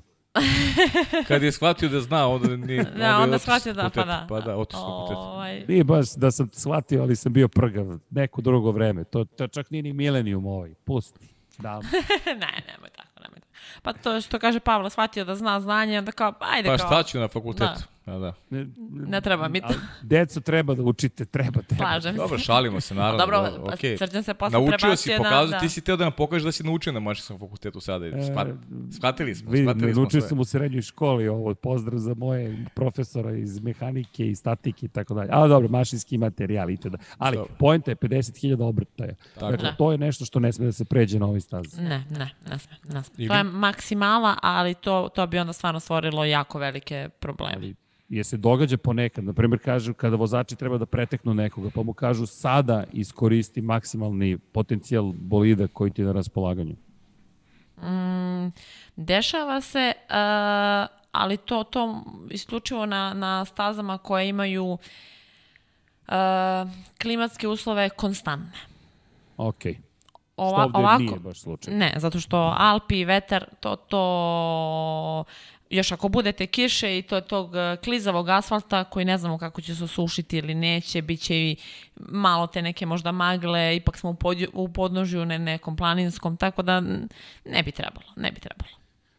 Da, a kad za, često spominješ vetar, dakle, zašto se toliko baviš vetrom? Koliko vetar utiče na, na, na, na, na strategiju? Baš ga često na spominješ. Uh, pa u sta, na stazama kao što je Red Bull Ring i Spa Francorchamps, uh, Spa Francorchamps je vrlo, vrlo utiče.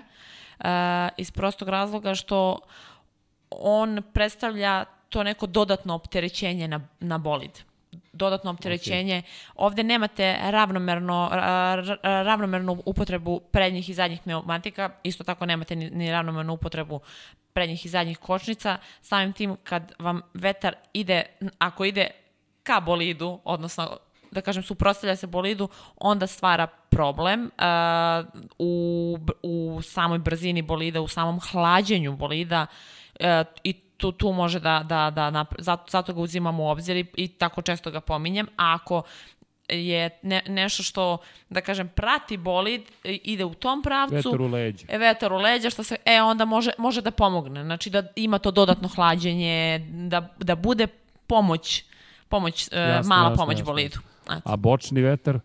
To cenim da niko ne voli. E, ne, to niko ne voli, da, zato što on udara direktno na motor i stvara, da kažem, te neke e, probleme.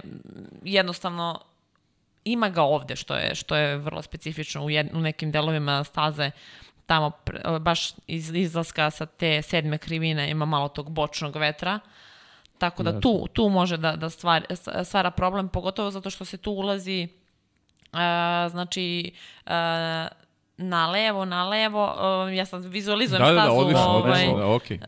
uh, dve krivine u levo koje idu i on gađa s, de, s desne strane i stvara nestabilnost na desnom prednjem pneumatiku ozbiljno, tako da tu vozač mora da ima dobar manevar, da dobro stisne volan i da ko, uh, re, reguliše rad kočnica da se tako izrazim. Jasno. Super. Ok, to je, to, to je zadivljujuće kako će nam od sada izgledati prenosi i kako ćemo ih posmatrati, makar ja, Pavle, cenim da Ne, ne, pa evo, slušam, ja, ja slušam i zato ja, da, da ti kažem, ja non stop gledam u jednu svesku, znaš, i, i samo se plašim da nešto ne propustimo, jer, jer toliko se potrudila, gledam svesku, vidim tu neke brojke i volao bih da da, da, da nam kaže sve što je pisala, znači da zato malo insistiram na, na toj vrsti pitanja Dragana, priče šta imaš, znaš, ono, možda će nešto propustiti da te pitamo, znaš. Vidi, imamo, A, imamo mi još pitanja, ček, pa Ne, ne, okej, okay, okej, okay, nije, nije, nije, nije sporno, nije sporno, znaš, nego, nego vidim da je svašta nešto pisala, da je, da je, da je to pripremila je pune tri strane. Ja gledam odavde konstantno, vidim pune nekih brojki i svega puna. Znači, ovo je, Ali o, ovakvu pitanje. vrstu pripreme to. nisam vidio nikad. E, da, još jedna stavka, nismo, ajde, nismo, nismo, e, ajde, se, nismo se time bavili. Samo, Vratila sam na prvu stranu ovaj, te moje sveske. Dobro. e, koliko se zadržavaju pit stopu? Mm, na tom da, stajanju. Mm, da, to, to, to. Ali ukupno koliko traje i koliko gube u tome, je li tako? Uh, da, u suštini... Uh, Nisam sve, vidio svesku, samo pitam. Uh, da. uh, pit stop uh, sve ukupno treba da traje znači, sa ulaskom, smanjenjem brzine, stajanjem, menjanjem uh, pneumatika, izlaskom iz boksa 16,1 sekundu. Sve ukupno. Sve znači, ukupno da traje. Tako Koliki je to gubitak u odnosu na konkurenciju, pošto se konkurencija kreće, dakle, neće izgubiti šest, ili je to, računaš tipa, bio je 16 sekundi ispred nekoga i da bi se vratio ispred tog nekoga mora da bude 18 sekundi ispred. To je ta tako računica. Je, tako je, tako je. Ok, tako, ok, da razumemo samo. Da, okay. Da. Pa prošle godine Max beše Red Bull neki rekord oborio, ako se seća baš Red Bull ringu. Jo, Mehaniče i Red Bull, čini se da su dve sekunde. Ispod, ispod, da, ispod dve sekunde su. 1.86. Su menjali Tako gume, je da, bilo, da. čini mi I to je, da I to je nekih, ja mislim da je, da je, da je neki 15 sekundi trajalo sve. Sve ukupno, sve ja, ukupno, tako nešto. Neki 15 sekundi, da je tu on mnogo vremena dobio, što ne da je pomoglo. Ali on, oni imaju stvarno vrhunske, vrhunske mehaničare. Te, A koliko ti, ako smemo da znamo, računaš da će prosečno biti zamena guma? Uh, 2,86. Dobro, ok, da. šta vam je prosjek? To, to, to opet da. neka srednja vrednost. Pa srednja vrednost, da, da. da srednja vrednost. Mislim, ako, okay. ako uspeju za 2,4 da, 2, da zamene, hu, hu, hu, Može. Super. Bravo. ruke. Da, u, vrhunski, ajmo, može. Ali ovo je srednja, opet kažem, srednja vrednost. Da, da. Može Dobro, to da bude i 3, da, da. Može da bude i 3 sekunde i sve što nešto, ali ovo je, ovo je, ovo je, ovo je neka, da. Neka srednja vrednost i mislim da je to vrlo izvodljivo. Da, tako da... Da, pa vidi, još jedno pitanje, to je još jedna stavka. Uh, pričali smo o kiši u petak, u subotu, dakle treći trening biće posvećen u velikoj meri i tome. Vežbi ulaska u pit lane, to jest u garaže za zamenu guma. Jer zašto često vidimo vozače u treninzima slobodnim da kasno koče na ulazku u pit lane? To delo je tako automatski samo uđeš. Ne, oni takođe mogu tu da uštede ili izgube dve, tri desetinke, što je kritično. Tako, to, je, to može biti kritično u samoj trci. Ja se sam, pa vr, vrlo je bitan taj, to stajanje. Uh, jednostavno utiče na pozicije kasnije. Ovaj, vrlo je bitno da dobro uđu u... Uh, ajde, izlazak manje više, utiče, ne mogu da kažem da ne, ali ulazak na samu zamenu i sama zamena su dve najkritičnije stvari. Znači to da imaju kasno kočenje ili prerano da koče, može da ih košta dve do tri pozicije sigurno. Da, ja bih volio iskreno ti kažem i više da utiče, ali malo se promenila percepcija da, da, da, u jasno. formuli zbog toga što nema dolivanja goriva i što je se sve svelo na jedno stajanje u trci, a bilo bi bolje da, tak, da je timski rad bude više na delu, pa da yes. imamo i u tom pogledu onako da, da trke izgledaju drugačije, kao recimo u Naskaru što bukvalno svako stajanje, A. Da. svako stajanje bukvalno menja dimenziju trke i često onako iz korena je menja. I to pa onako i publici, nekad, nekad i publici je tako da. zanimljivije da, da, da posmatra, da. da posmatra trke. Tačno. To, to je ono što eto nismo napomenuli, a opet kažem bit, bitna stavka, taj pit stop. Jasno. Um, ja sad jedva čekam da počne trka, pravo ti kažem, Pavle, ja sad pišem. Zamišljam, da, da, kako, okay, da zamišljam Landa kako i si, koči. I si zapisio ove, ove brojke sve. Kako yes, nisam, zapisio okay, okay, sam, ali tu je profesorka, pa se nadam da ćemo dobiti ipak uvid u neke od informacija. Da nam, da nam, da nam skenira svesku. može. Domaći može. zadatak. Momci, da, da, da nam skenira da, svesku. Sledećeg vikenda. Ne, ali na, još jedno pitanje. A, apropo ne samo stajanja, već i drugih vozača, koliko ti utiče na razvoj strategije ta pozicija gde će se nalaziti. Dakle, obično pričamo o tome u prenosu koliko je važno da budeš prvi, taj takozvani čisti vazduh koji je ispred tebe, to je kada nema nikog ispred tebe. Te bolide imaju najoptimalnije uslove za vožnju. Kada si u sredini tabele, prosto je neminovno da će neko biti ispred tebe i koliko se time baviš, koji bolid bi mogao biti oko tebe ili ti je nevažno, samo da je neko ispred bolida tvog vozača? Vrlo, vrlo je bitno ko je, pa zato sam ja uzela uh, Renault i Red Bull kao timove koje, koje, da kažem, na osnovu kojih pravim neke, neke parametre, okay. jer, da kažem, mi jurimo njihove bodove, jurimo neke pozicije koje, koje s kim se takmičimo, ja, to mi je isto jako, jako bitno, ili ako su timovi koji su sporiji od McLarena, ako se nalazi ispred, opet i to utiče na neku, na, na neku strategiju.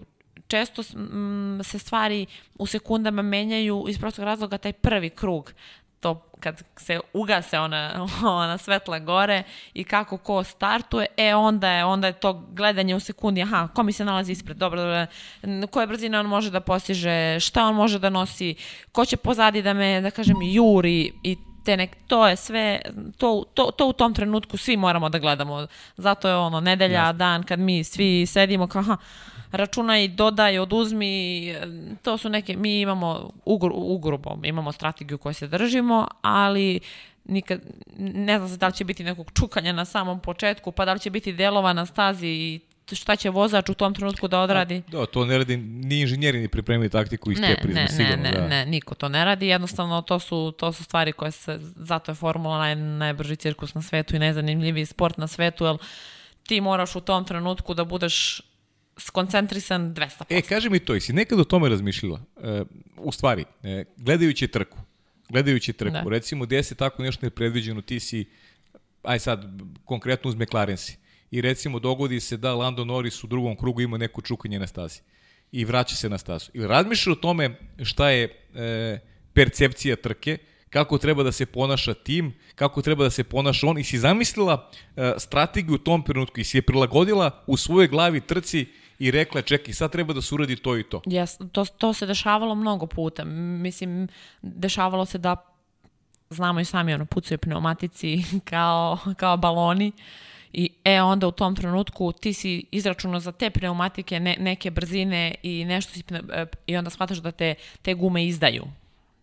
I da ti sad mo, moraš da menjaš sve. A Da li, izvini, javljaš nešto ekipi u tom trenutku? Da li imaš... Da, da li imaš kontakt? Da li se javljaš ekipi ili to da radiš za sebe da bi ti mogla da učiš dalje ili prosto je uživanje? E, pa prosto je uživanje, mi ne javljamo, mi, oni to rade, ali jednostavno ja, ja stvarno ispratim to, jer to je značajno, na primjer, i za sledeću, sledeću trku ili za sledeću Jasne. sezonu.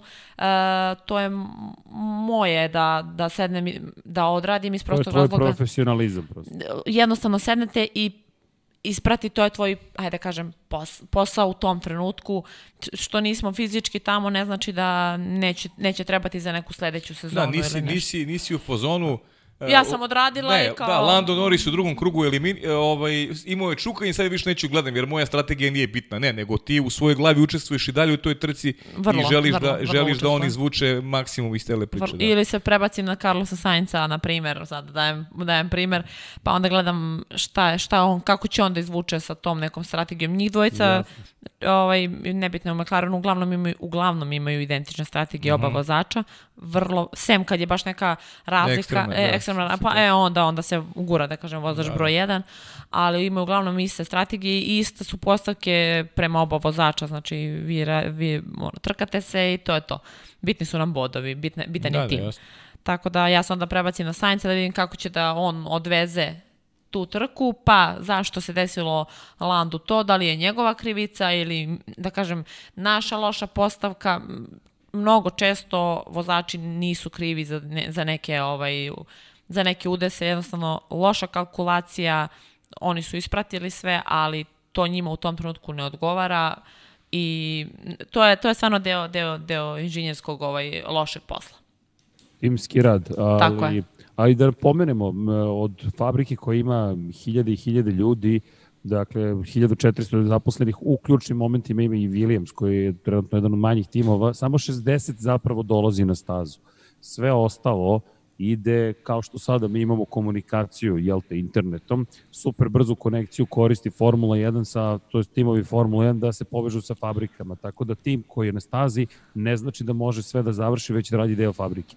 Dragana, 13.42 dok ovo Evo, snimamo. Baš. Kakva je situacija? Jel moraš da nas napuštaš Samo ili da vidimo šta kaže telefon i da li imamo e, još par minuta vremena, makar da se pozdravimo kako dolikuje.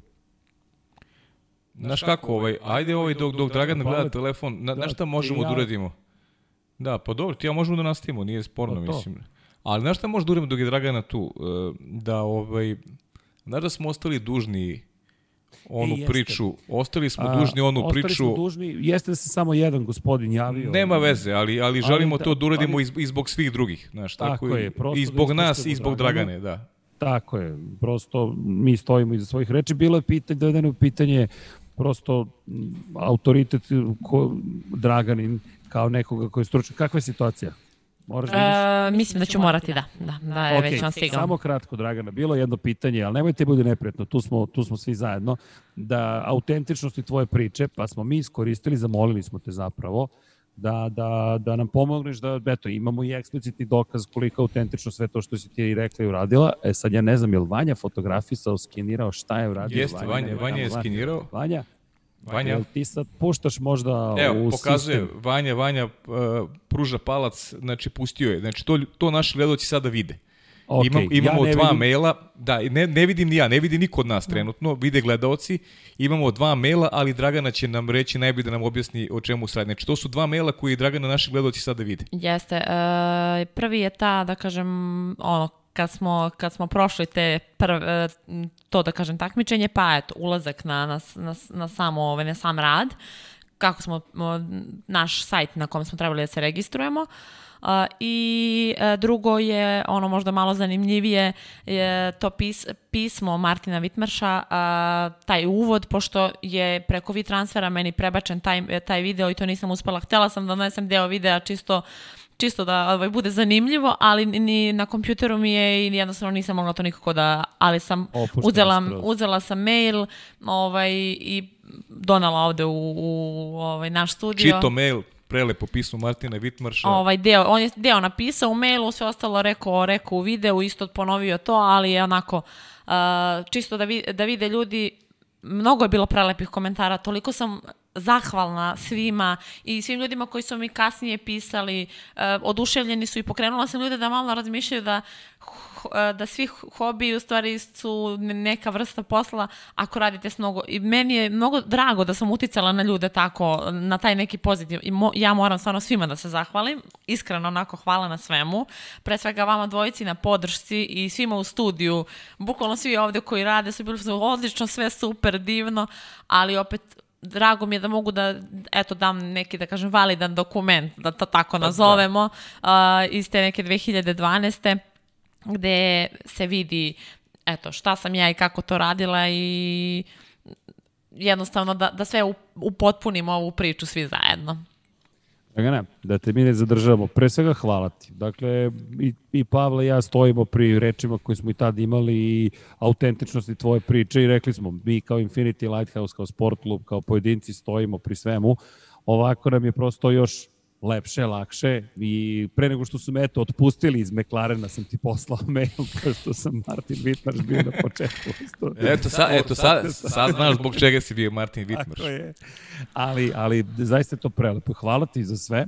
Pa, pa ti će ja ćemo da nastavimo. A možemo da nastavimo, da. Kratak prekid, samo da Dragana može da se lepo i, i pozdravi i, i, i ide dalje na posao. Dragana, uh, hvala ti. Samo bih te pitao još jednu stvar, a to je šta predviđaš za trku pred nama, ko pobeđuje u, u nedelju, neću da kažem strategija ili simulacija, ali prosto šta je tvoj osjećaj, ko pobeđuje, ko prvi prolazi kroz cilj? Uh, ovako, uh, ja mislim da će to biti uh, Max Verstappen.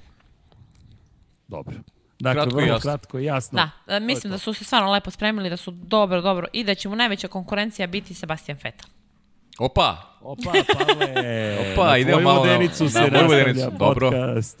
Do, e, Dragana, hvala ti, ajde, znam da, znam da si u gužvi. Ja se, mislim, e, mnogo mi je drago da smo radili, e, neka čeka, neka čeka ceca što kažu. ne, ne, ne, ali da se zna, izvini, Dragana, kasniš zbog mene, mi smo morali da odložimo prosto snimanje studija, ja ne sam da se pojim u studiju, dok smo mi sve postavili, Dragana je bila na vreme, kao u, u, u dogovoreno vreme, u 11 sati tu, međutim, da, ja sam okay. u tom momentu bio gore na Torlaku, Dakle, izvadili su mi bris, čekamo rezultate, javit će sve šta se događa. Biće, ja Biće super. Pa se onda, da onda družimo uživo sled, sledeći put. Tako je. U nekom. Tako je. Hvala vam na, na gostoprimstvu, divni ste, uh, lepo radite u nastavku i Hoćemo. onda ćemo se mi ovaj, čuti za, za, za, za nedelju da vidimo kako, kako smo mi ovo odradili Tako, zajedničkim snagama. Tako, još jedna trka stiže, vidi, da vidimo novu strategiju za trku broj 2.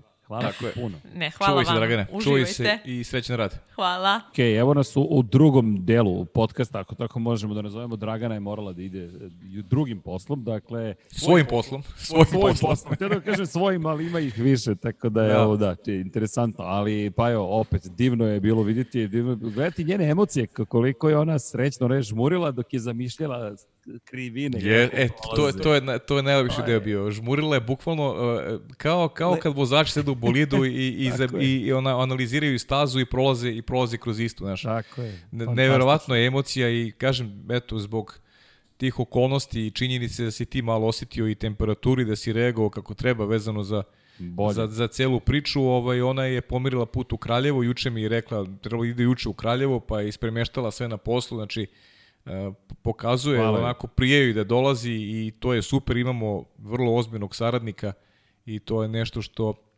je samo benefit i za tebe i za mene, tako da i, zaista eto, i sa moje strane se zahvaljujem ovaj, i ovom prilikom na, na, na gostovanju i lepoj analizi koja je uvertira u ono što nas čeka, što smo ti ja čekali dugo i svi nego, naši gledalci. To se te ti petak, kažem. Da. Ne, nego pa šta ćemo mi? Dakle, ako, ako rezultati ne budu dobri, ne znam šta ćemo, ili, već boli. ne znam, ili Zoom ili ne, ne znam nešto ne, ne, šta ćemo. Ne, ja zovem da se otkaže sezona, pa ne, ne može ovako, četiri nešto. meseca čekamo, koliko već čekamo. Pa nije, nego, nego ako, si, ako, si, ako si pozitivan, onda ja razmišljam, znaš, Šta je, šta je sa mnom? Da li sam i ja možda onda pozitivan? Mislim, da. mislim ja jesam pozitivan kao tip ovako, ali, ali, ovaj, Vidi, ali da ne budem, da, da ne budem na koronu, da ne budem na koronu pozitivan, to mi baš ne bi prijelo sad kad počinje sezona, tako da razmišljam intenzivno od momenta kad si mi javio juče, baš sam bio u šoku, onda sedim juče sa ljudima, neka veli veća grupa ljudi, kad si mi javio, rekao šta je ovo? Otkud vidi, srđan u priči? Imao sam jedan simptom, ali rekao, vidi, sad je sve simptom, ali nećemo da se igramo otišao sam uradio testove, evo, javno, antitela, LGG minus, LG minus, otišao sam na Torlak, dao sam bris, ne, čisto da se razumemo, ako neko se pita kako, šta, Dakle, ukoliko nemate kritične simptome, neće vas testirati, nego morate sami na, na svoju ruku da se testirate, to će vas kostati 6000 dinara i 1200 dinara su vam antitela, ukoliko imate temperaturu radit će vam ih besplatno, 6000 dinara uplatite, u slučaju onih koji žive u Republici Srbiji mogu samo da kažem, dakle, Republičkom zavodu za zdravlje valjda i onda sa uplatnicom na Torlak, divni su zaista na, i na Torlaku i svim institucijama u kojima sam bio, Dakle, nosite masku pre svega, to je, koliko god vam govorili, to ne služi ničemu, smanjuje značajno rizik, nosite, ali opet niste bezbedni jer... Da, tamo posle, da ko zna, toliko sad već ljudi znamo koji su se zarazili da je postala nemoguća misija. Ali šta da kažem, ja ni ne znam ni kada, ni gde, ni da li je, čekam, tako da znate, inače vrlo jednostavno za onih koji ne znaju, ništa ne radite u zgradi, dođete na ulaz u Torlak, do 12 sati, date uplatnicu, ličnu kartu, stanete u red, red ide relativno brzo, dođete do šaltera, date ličnu kartu, dobijete proveticu, odete do kontejnera, bukvalno metalnog, koji je priručna laboratorija, izvadam vam brvis iz nosa, iz obe nozdrave, iz grla i čekamo Čekamo, čekamo. Evo, čekali smo početak sezone, ali ajmo da budemo optimistični. Sad čekamo bris, izgleda. Dobro. čekamo bris. Dobro. Polako, ajde, ajde, vidjet ćemo ajde, ali tu je sezona, pusti. Dakle, ajde, idemo u sezonu. Dobro, pričamo malo i stvarima koje su život, koje su realne, život. dešavaju se oko yes. nas, eto, tako da... E, ono što je moja poruka i tvoja je da čovek i zaštite ljudi koji su, im, koji su nam u okruženju i svima koji su u okruženju moraju da reaguju na pravi način kad ostaje simptome da ne bi ugrožavali život Tako. okoline. Mislim, to je jednostavna matematika i zato ja malo potencijalno ovoj priči, naravno da ćemo da se snađemo i za trke i za svašta nešto u životu, ali bitno je zdravlje, ali kažem, ovo je poruka koju šaljemo iz svog mesta, ljudi ne igrite se, nemojte da rizikujete živote svojih bližnjih i svojih kolega, svojih prijatelja, kad osetite simptome, prosto reagujte i to je to. Tako je. Nema šta drugo da, da se dodaje tu. To je naša poruka, koliko god volimo Formula 1, MotoGP, studiju na kraju univerzuma. Ma, život koliko volimo. Niko ne voli da sedi dve nedelje sam u kući, da, da ne. nema kontakte s ljudima. Niko to ne voli. To, svi, svi želimo to da izbegnemo. Ali šta da se radi ako je tako, tako je. Šta ćemo? Tako je, kako je. Nemoguća misija. I to je čak postalo nemoguća misija, ali snaći ćemo se, dovijet ćemo pa, ne, se. Pa ne, ćemo da smislimo, tako je. ćemo da smislimo gde i kako. Ali, Ono što znamo, formula nam je stigla, dakle, to, to makar se ne pomera više, dakle, kreće. Evo, danas je sreda, dakle, petak će još malo, ja jedva čekam, pravo ti kažem, sad kad je Dragana sve ovo pričala, tek sam se sada podsjetio koliko mi Formula 1 znači. Dakle, i ova pauza do dodatna četiri meseca, kao da je nikada nismo prenosili. Imam taj, tu emociju. I možemo da pričamo i o rezultatima, i o predviđanjima, i o prognozama, ali to smo sve već rekli. Dakle, ne znam, ili si ti promenio možda mišljenje od koga očekuješ da, da, da, da bude najbolji. Meni čak to nije ni bitno, meni je samo bitno da izađu na stazu. Pa iskreno, ni, me, ni meni nije bitno, znaš, mi, smo, mi onako gledamo iz nekog svog ugla, u stvari posmatramo stvari iz, iz neke, kako bih ti rekao, neke, neke lične e, vizure i, i prosto tražimo i način da, da, da sve to bude uzbudljivije, prosto, znaš, radimo nekako i u svojoj glavi na nekoj promociji Formula 1, želimo, želimo da, da Lewis Hamilton ne bude toliko dominantan, iako i ti ja znamo da da je on neko ko je apsolutni vladar trenutno u šampionatu Formuli 1. Ja gledam, kažem ti, zašto apostrofiram Sebastina Fetela, jer, jer osjećam tu neku rasterećenost kod njega, makar ja to tako vidim, jer e, znam da često pod pritiskom nije uspevao da isporuči najbolje rezultate, a nekako verujem da je taj pritisak mnogo manji nego što je bio e, i da, da, da i, iz te neke želje da, da pokaže da je, da, da, da je pravi da će, da će uslediti e, vrhunski rezultat. I, I ono što je rekla Dragana, ja vidim zaista Fetela kao neko bi mogao na ovoj prvoj trici već da bude onako, pa ne, ne može da bude iznenađenje čovjek koji je četvorostruki šampion, ali uh, sigurno da uh, nije takav fokus na njemu kao što je bio ranije i, i ja verujem da njemu to pomaže u ovom trenutku. Koliko, isto tako mislim da Charles Leclerc odmaže to što je negde postao u glavama navijača Ferrarija neko ko bi trebao da donese i titulu i, i, i, i doživljavaju ga kao, kao vozača broj 1. I, I sve te neke e, teme koje smo ti ja zajednički obradili uz, uz našu Draganu i, i, ovaj, i, i, i pričajući pa onako... Bakija. Pa i Bakija, naravno, to sam teo da kažem, i, i našeg Bakija, ovaj, sve me to onako postiče na, na neverovatnu onako želju da, se, da, da to što pre počne. I, I neko nama i prolazi vreme, ajde da se malo i negde i da hvalimo, da se hvalimo negde, prolazi nam vreme generalno radeći. Mi nismo imali pauzu u suštini ni, ni u vreme Nisam. pandemije.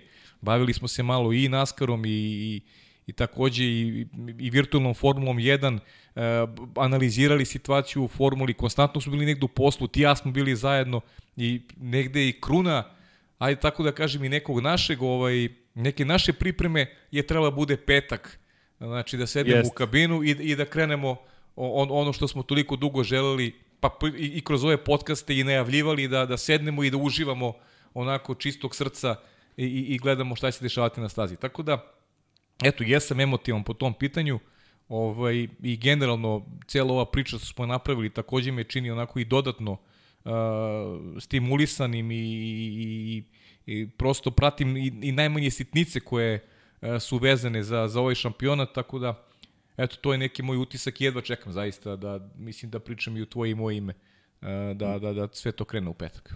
A da, pa pričaš u naše ime, ali evo kakva je čudna sezona, dakle može da se desi da posle svega, posle vožnje tokom karantina, tokom rada tokom karantina, da. tokom studija tokom karantina i svega da se desi da, da ne budemo zajedno. Da.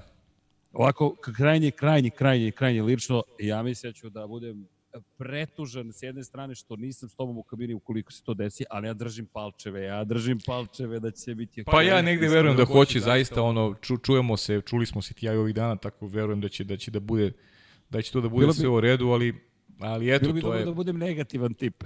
bilo bi dobro da budeš negativan. Pa, znaš, ono, sad mislim da su svi ovaj, u fazonu bolje biti negativan nego pozitivan. da, tu nam je Darth Vader, vidi, nijedan negativac mora. A, to je Pixi, Pixi lepo osmislio ovo. Jeste. Ali da, da, bi s jedne strane zaista ukoliko se desi da ne radimo, ja, ja ne znam šta ću, a s druge strane bit ću srećan što krenula Formula 1 i, i u krajem slučaju koliko god da traje da, da izolacija ili šta god, proći će. Dakle, pa da, pa dobro, sve, prođe, sve prođe u životu, nije sporno. Mislim, Tako šta, šta da, ne možemo da pobegnemo od sebe nikako i od, od onoga što živimo, to je, Tako je. to je realna slika. Možemo da žalimo za, za stvarima, ali realno je tako je kako je, pa vidjet ćemo šta će bude. Pa da. Nadam, nadam se lepim vestima, koliko već sutra. Vidi, evo ja čekam, dakle, ne znam tačno kada će, kada će biti, ali držim palče da će biti, da će biti što je brže moguće. Što se tiče Lab 76, mi ćemo nastaviti da radimo kako možemo. Dakle, i danas smo se organizovali, nismo čekali, jednostavno smo rekli, ok, šta možemo da uradimo, to ćemo da uradimo. I, i evo, juče gledam Vuka dok je snimao Dakle, gledao sam snimak koji je napravio sa, sa, sa, sa ne samo Vuk i Nikola. Sa da, da, Nikola, naravno, da to je toliko uzbuđenje, to je svrha Infinity Lighthouse, to je, to je pojenta i cega od celog posla, pa i sporta, da, da nećemo stati sa Lab 76, ja vas molim za razumevanje, eto, stice okolnosti nas isprečuje da juče snimimo, dakle, pomerili smo sve nekako, ali i, i kada je reč o početku prosto sezone, ostavio bih pitanja za, za sledeći put. Dakle, pa to smo se dogovorili, da. Mislim, dali smo prednost, je, tako je. Da. Ali dali smo prednost u početku sezone i, i Dragani kao nekome koja je to spremila strategiju. Zapravo sad smo učili kako se spremaju strategije iz te perspektive i koliko detalja ulazi u obzir. A što se tiče najava, već smo ih dosta dobro obradili, makar ja mislim da smo ih, da smo ih dosta dobro obradili. Jeste. Pa ne, znaš kako, dogovorili smo, ajde da, da otkrijemo, dogovorili smo se ti ja, sledeće nedelje ćemo da analiziramo dešavanje iz Austrije, najavit ćemo novu trku i odgovarat ćemo na pitanje gledalca. Dakle, to je, ti ja ćemo biti u podcastu, sami ćemo pričati i eto, posveti pažnju ljudima koji nas redovno prate i pričati o aktuelnostima, ima, ima šta se priča sada Ej, tamo do kraja avgusta. Imaćemo prvu trku iza nas, čekaj, Tako imaćemo je, da. radost Jest. čistu. Tako da jedva čekam. Zapravo tek smo počeli, u suštini ovo je tek pravi početak.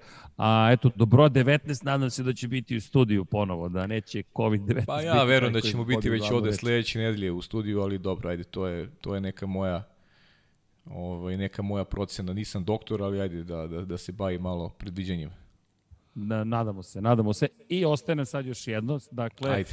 Zapravo, ne, ti si najavio, dakle, jel, zapravo jesi najavio šampiona ili si najavio pobedu sad za Red Bull? Šta kažeš? Pa, pa ne znam, ja, ja slušam, Dragana je rekla Max Verstappen, ja sam to pričao onom uvodnom studiju, kad smo, sećaš se, kad smo bili, takođe sam negde vidio Maxa kao, jasno, jasno. Kao favorit, ali ću sada reći, držat ću se onoga što je moja prognoza, da će Sebastian Vettel ove godine biti e, šampion, eto, to je onako, ajde malo da zakuvamo, rekao sam, pa ću reći Vettel iz ovu trku, iako onako baš imamo malo informacija na osnovu kojih možemo da baratamo, tek on, ona predsezona je pokazala, znamo ko je bio najbolji, Ferrari nije bio u toj grupi, isto tako znamo da Honda do, dolazi sa određenim poboljšanjima u, e, Jeste. u Austriju, to je ono što što je takođe ide kao adut e, naravno Red Bullu, pričat ćemo naravno i o tome i kada krenu slobodni treninzi. U svakom slučaju ja ostajem pri toj tvrdnji uh, vezano za Ferrari i ste neke rasterećenosti Sebastina Fetela i ne, imam utisak da čak i Ferrariju kao timu uh, više prijaju momenti kada nisu uh, st, onako stavljeni u neku, neku poziciju favorita da, da im odgovara više ta pozicija kada vrebaju i senke, jer su i suviše opterećeni činjenicom da, da dugo nema trofeja, italijanska javnost to traži od njih i E, rekao bih da fokus nije toliko na njima, tako da e, mogu iz te, iz te rasterećenosti da možda isporuče bolji rezultat nego što je bio prethodne godine, a opet rukovodim se srđeni sa uh, onim što je uh, pokazala i bliska prošlost iz percepcije Ferrarija da oni jednostavno svake druge godine imaju kvalitetne rezultate, pa kad je prošla godina bila loša, ajde trebalo bi ova da bude mnogo bolje iz, iz pozicije rezultata i eto to je neka to je neka moja procena, možda malo duža. Da, Ferrari inače dolazi sa, sa pojačanim motorom, 15 konjskih snaga. Tako je, to sam zaboravio, by the way. Da, jači motor, tako da to, to bi trebalo da pozi, više nego pozitivno utiče, pogotovo na ovoj stazi. Pazi, to, a Leclerc je prošle godine bio na pol poziciji, tako da tako će je. biti prava luda trka. Mercedes je navodno rešio probleme sa hlađenjem koje je imao prošle godine, to je ih i mučilo u Austriji, dosta su radili na tome, tako da su spremni. Mm, što se tiče predviđanja, ja ću ostati pri najavi sezone za titulu, da ja sam verovao u, u najdužoj sezoni u istoriji od 22 trke, koje nažalost neće biti, da će Max Verstappen biti šampion i da će iznenaditi Luisa Hamiltona. Prosto ću da, da ostanem, mada mi je teško da... Uz Maxa? Sve, da, ali ostaću uz Maxa, ali, ali, za pobedu u nedelju, uh, tipujem na Luisa Hamiltona i, i, i crni Mercedes. I, I spremili smo vam, pored toga što smo spremili, dakle nešto spremili, što stalno se trudimo zaista da podelimo i emociju i strast i informacije i znanje i da imamo goste i gošće kakva je Dragana. Eto, da i ja se nadam da treba Ovo je prilično velika stvar, dakle, iz nekoliko razloga. Krenut ću od onoga što je i saopštenje Mercedesa, prosto Mercedes koji je kao kompanija odlučio da ofarba u crno, dakle srebrne strele, postaju crne strele i bit će crne strele do kraja sezone 2020. godine, dokle god bude ona trajala. I to je, prema rečima same kompanije, izjava da stoje u borbi protiv rasizma i diskriminacije bilo koje vrste. Da. Pa posli da su, se, da, snažno, da, da. dvosmislenu i globalnu poruku. Da, baš vezano za, i, i jaka nek, poruka. Pa tako, i stali su i, gen, i stali uz svog uh, prvog vozača, prvu zvezdu Luisa Hamiltona koji je bio izuzetno aktivan kada pričamo o, o toj temi koja je, koja je najaktuelnija generalno na, na, na svetskom nivou, nevezano za, za koronavirus, tako da Mercedes i zaista izgleda lepo, imate priliku i da vidite kako izgleda Mercedes, tako, takav će biti cele godine i pohvalili su svi i dizajn i naravno pričali i Toto Wolff i Lewis Hamilton i Valtteri Bottas o tome. Pohvali Mercedes kako je prepoznao moment za, za jedan takav, ovaj, jedan takav projekat. A da, oni su i to i rekli, dakle, da, da, da, da s tim i s tom svrhom i ulaze u projekat i rekli su da javno su se obavezali da će unaprediti prosto diverzitet u svom timu i u sportu generalno. Izdali su i, i, i konkretne informacije o, o tome da oko samo 3% zaposlenih u celom Mercedesu se identifikuje kako pripada manjinskim grupama, koje god to grupe bile, i da 12% samo zaposlenih su žene. Tako da Mercedes sebi dao još veću misiju, I ono što je fascinantno jeste koliko je snažno stao iza toga. Da je, zašto to napomenjemo? Srebrne strele su postale crne strele. To vam je, kada izmešate celu istoriju koja je vrlo kompleksna, jedna tema koja zaslužuje, zaslužuje celu emisiju praktično, ali samo uzmite u obzir i, i, i, i, i istoriju Mercedesa pre drugog svetskog rata, tokom, posle drugog svetskog rata, da se mi u 2020. nalazimo u situaciji da imamo crni Mercedes je potpuno nevjerovatno. Fascinantno je i, i svakim čast na tome zašto? Vrlo jednostavno, dakle, m, govorimo o, o, o stavu koji generalno imamo kad su u pitanju vrednosti, ponovit ćemo ga, svaki dobar čovjek, kakve god da je, Ma da, boje, pa to kože, je oblika, rase, vere, ne znam. Ili si dobar ili nisi, to je jednostavno. Tako je. Eto, imamo Darth Vadera tu i vraćamo se na to. Ili si, ili si dobar ili nisi i, i to zavisi od tvoga šta radiš, ne šta pričaš. To je naš makar stav. Svaka poruka, svaka poruka koja se šalje pozitivna je ima smisla ako se o njoj razmisli i ako se prihvati na, na, na pravi način, a što je ne treba Tako samo ne treba samo uh, koristiti to kroz neku negativnu prizmu i, i onako uh, doživljavati je na pogrešan način. Eto, to je to je jedina jedina onako poruka koju bih ja oputio da ne ulazim dublje u celu priču, ili bismo onda ušli vrlo u neki, u, pa vrlo je duboko ušli bi u neke teme. Znaš kako, e, rizikujem, jasno. rizikujem negde da bih možda bio pogrešno shvaćen, a mislim da nije ni vreme ni mesto da, da, da, da, da onako širimo uh, tu ne. priču, podržavamo projekat Mercedesa i mislim da to neka na tome ostane, ali samo da to samo da to ima neki onako da kažem pozitivan uticaj i da se shvati na pravi način, znaš, da, da ne idemo sad u neku drugu vrstu krajnosti. Tako, ne, nijedna krajnost ne valja. Dakle, pojnta jeste ovde da se zalažemo prosto da ono što je nama najvažnije... Kao što si rekao, dobar čovjek je dobar čovjek. Nije Tako bitno je. šta je, ko je, treba da se poštuje onaj koji je dobar. Onaj ko nije dobar, kako god da izgleda, ne zasluži nikako poštovanje i to je to. Tako je. Vrlo je situacija tu jednostavna koliko god kompleksna bila. Iz naše perspektive, Dakle, pre svega se, pre svega, kao što smo već više puta napomenuli, podržavamo sve ljude dobre volje, dobrodošli su i nadamo to se da to. ćete nam se javljati. Kada je reč o Formuli 1, koje god boje da je bolid i bit će nam lepo da ga vidimo, mada Paja malo sa Pink Pantherima lošije stoji, ali Just. Racing Point, pazi, ovo sad, znaš kako, sad bih se otvorio analizu cele sezone, ali moramo da stanemo, ali pazi, Racing Point koji, koji s obzirom na činjenicu da se bolidi neće menjati sledeće godine po, po novim pravilima koje su usvojili. Racing Point može da bude tako impresivan ove sezone, ali neka ostanemo na tome. Dakle, kada prođe prva trka, analizirat ćemo sve. A, imamo, imaćemo o čemu da pričamo. I te kako. U, vratit ćemo termin na utorak, naravno. I te kako. Sad smo dakle, napravili izuzetak zbog spleta okolnosti, ali vraćamo se utorku. Jeste ali vraćamo se u, da, u, u, u, u naše tokove i bit ćemo, naravno, kao i uvek, ja, se, ja verujem, i tekako raspoloženi. A kada je reč o prvoj trci sezone, Sport klub, direktno, ekskluzivno, kao što ste navikli, imaćete prilike da gledate tokom ovog vikenda i, i trke Formule i 3 i Formule 2, svašta se nešto događa tokom ovog vikenda. Da, da, dakle, da, biće to na našem prvom programu, ako se ja dobro, sam dobro vidio i Formulu 3 i Formulu 2, da na sport klubu 1 zaista ispunjen vikend, ali što se nas tiče naravno glavna je Formula 1 koliko god da volimo niže kategorije i, i, i u to ime, šta da vam kažem, polećemo, evo neki su u studiju na kraju univerzuma, neki su u kosmosu, ali vreme je da počne sezona.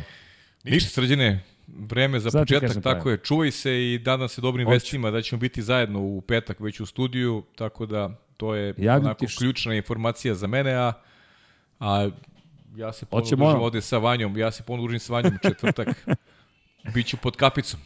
Pod kapicom, da. I da. hoćemo ono naše. Ljudi, na, hoćemo na tri. Jedan, dva, tri. Dva. Ćao svima. Ćao svima.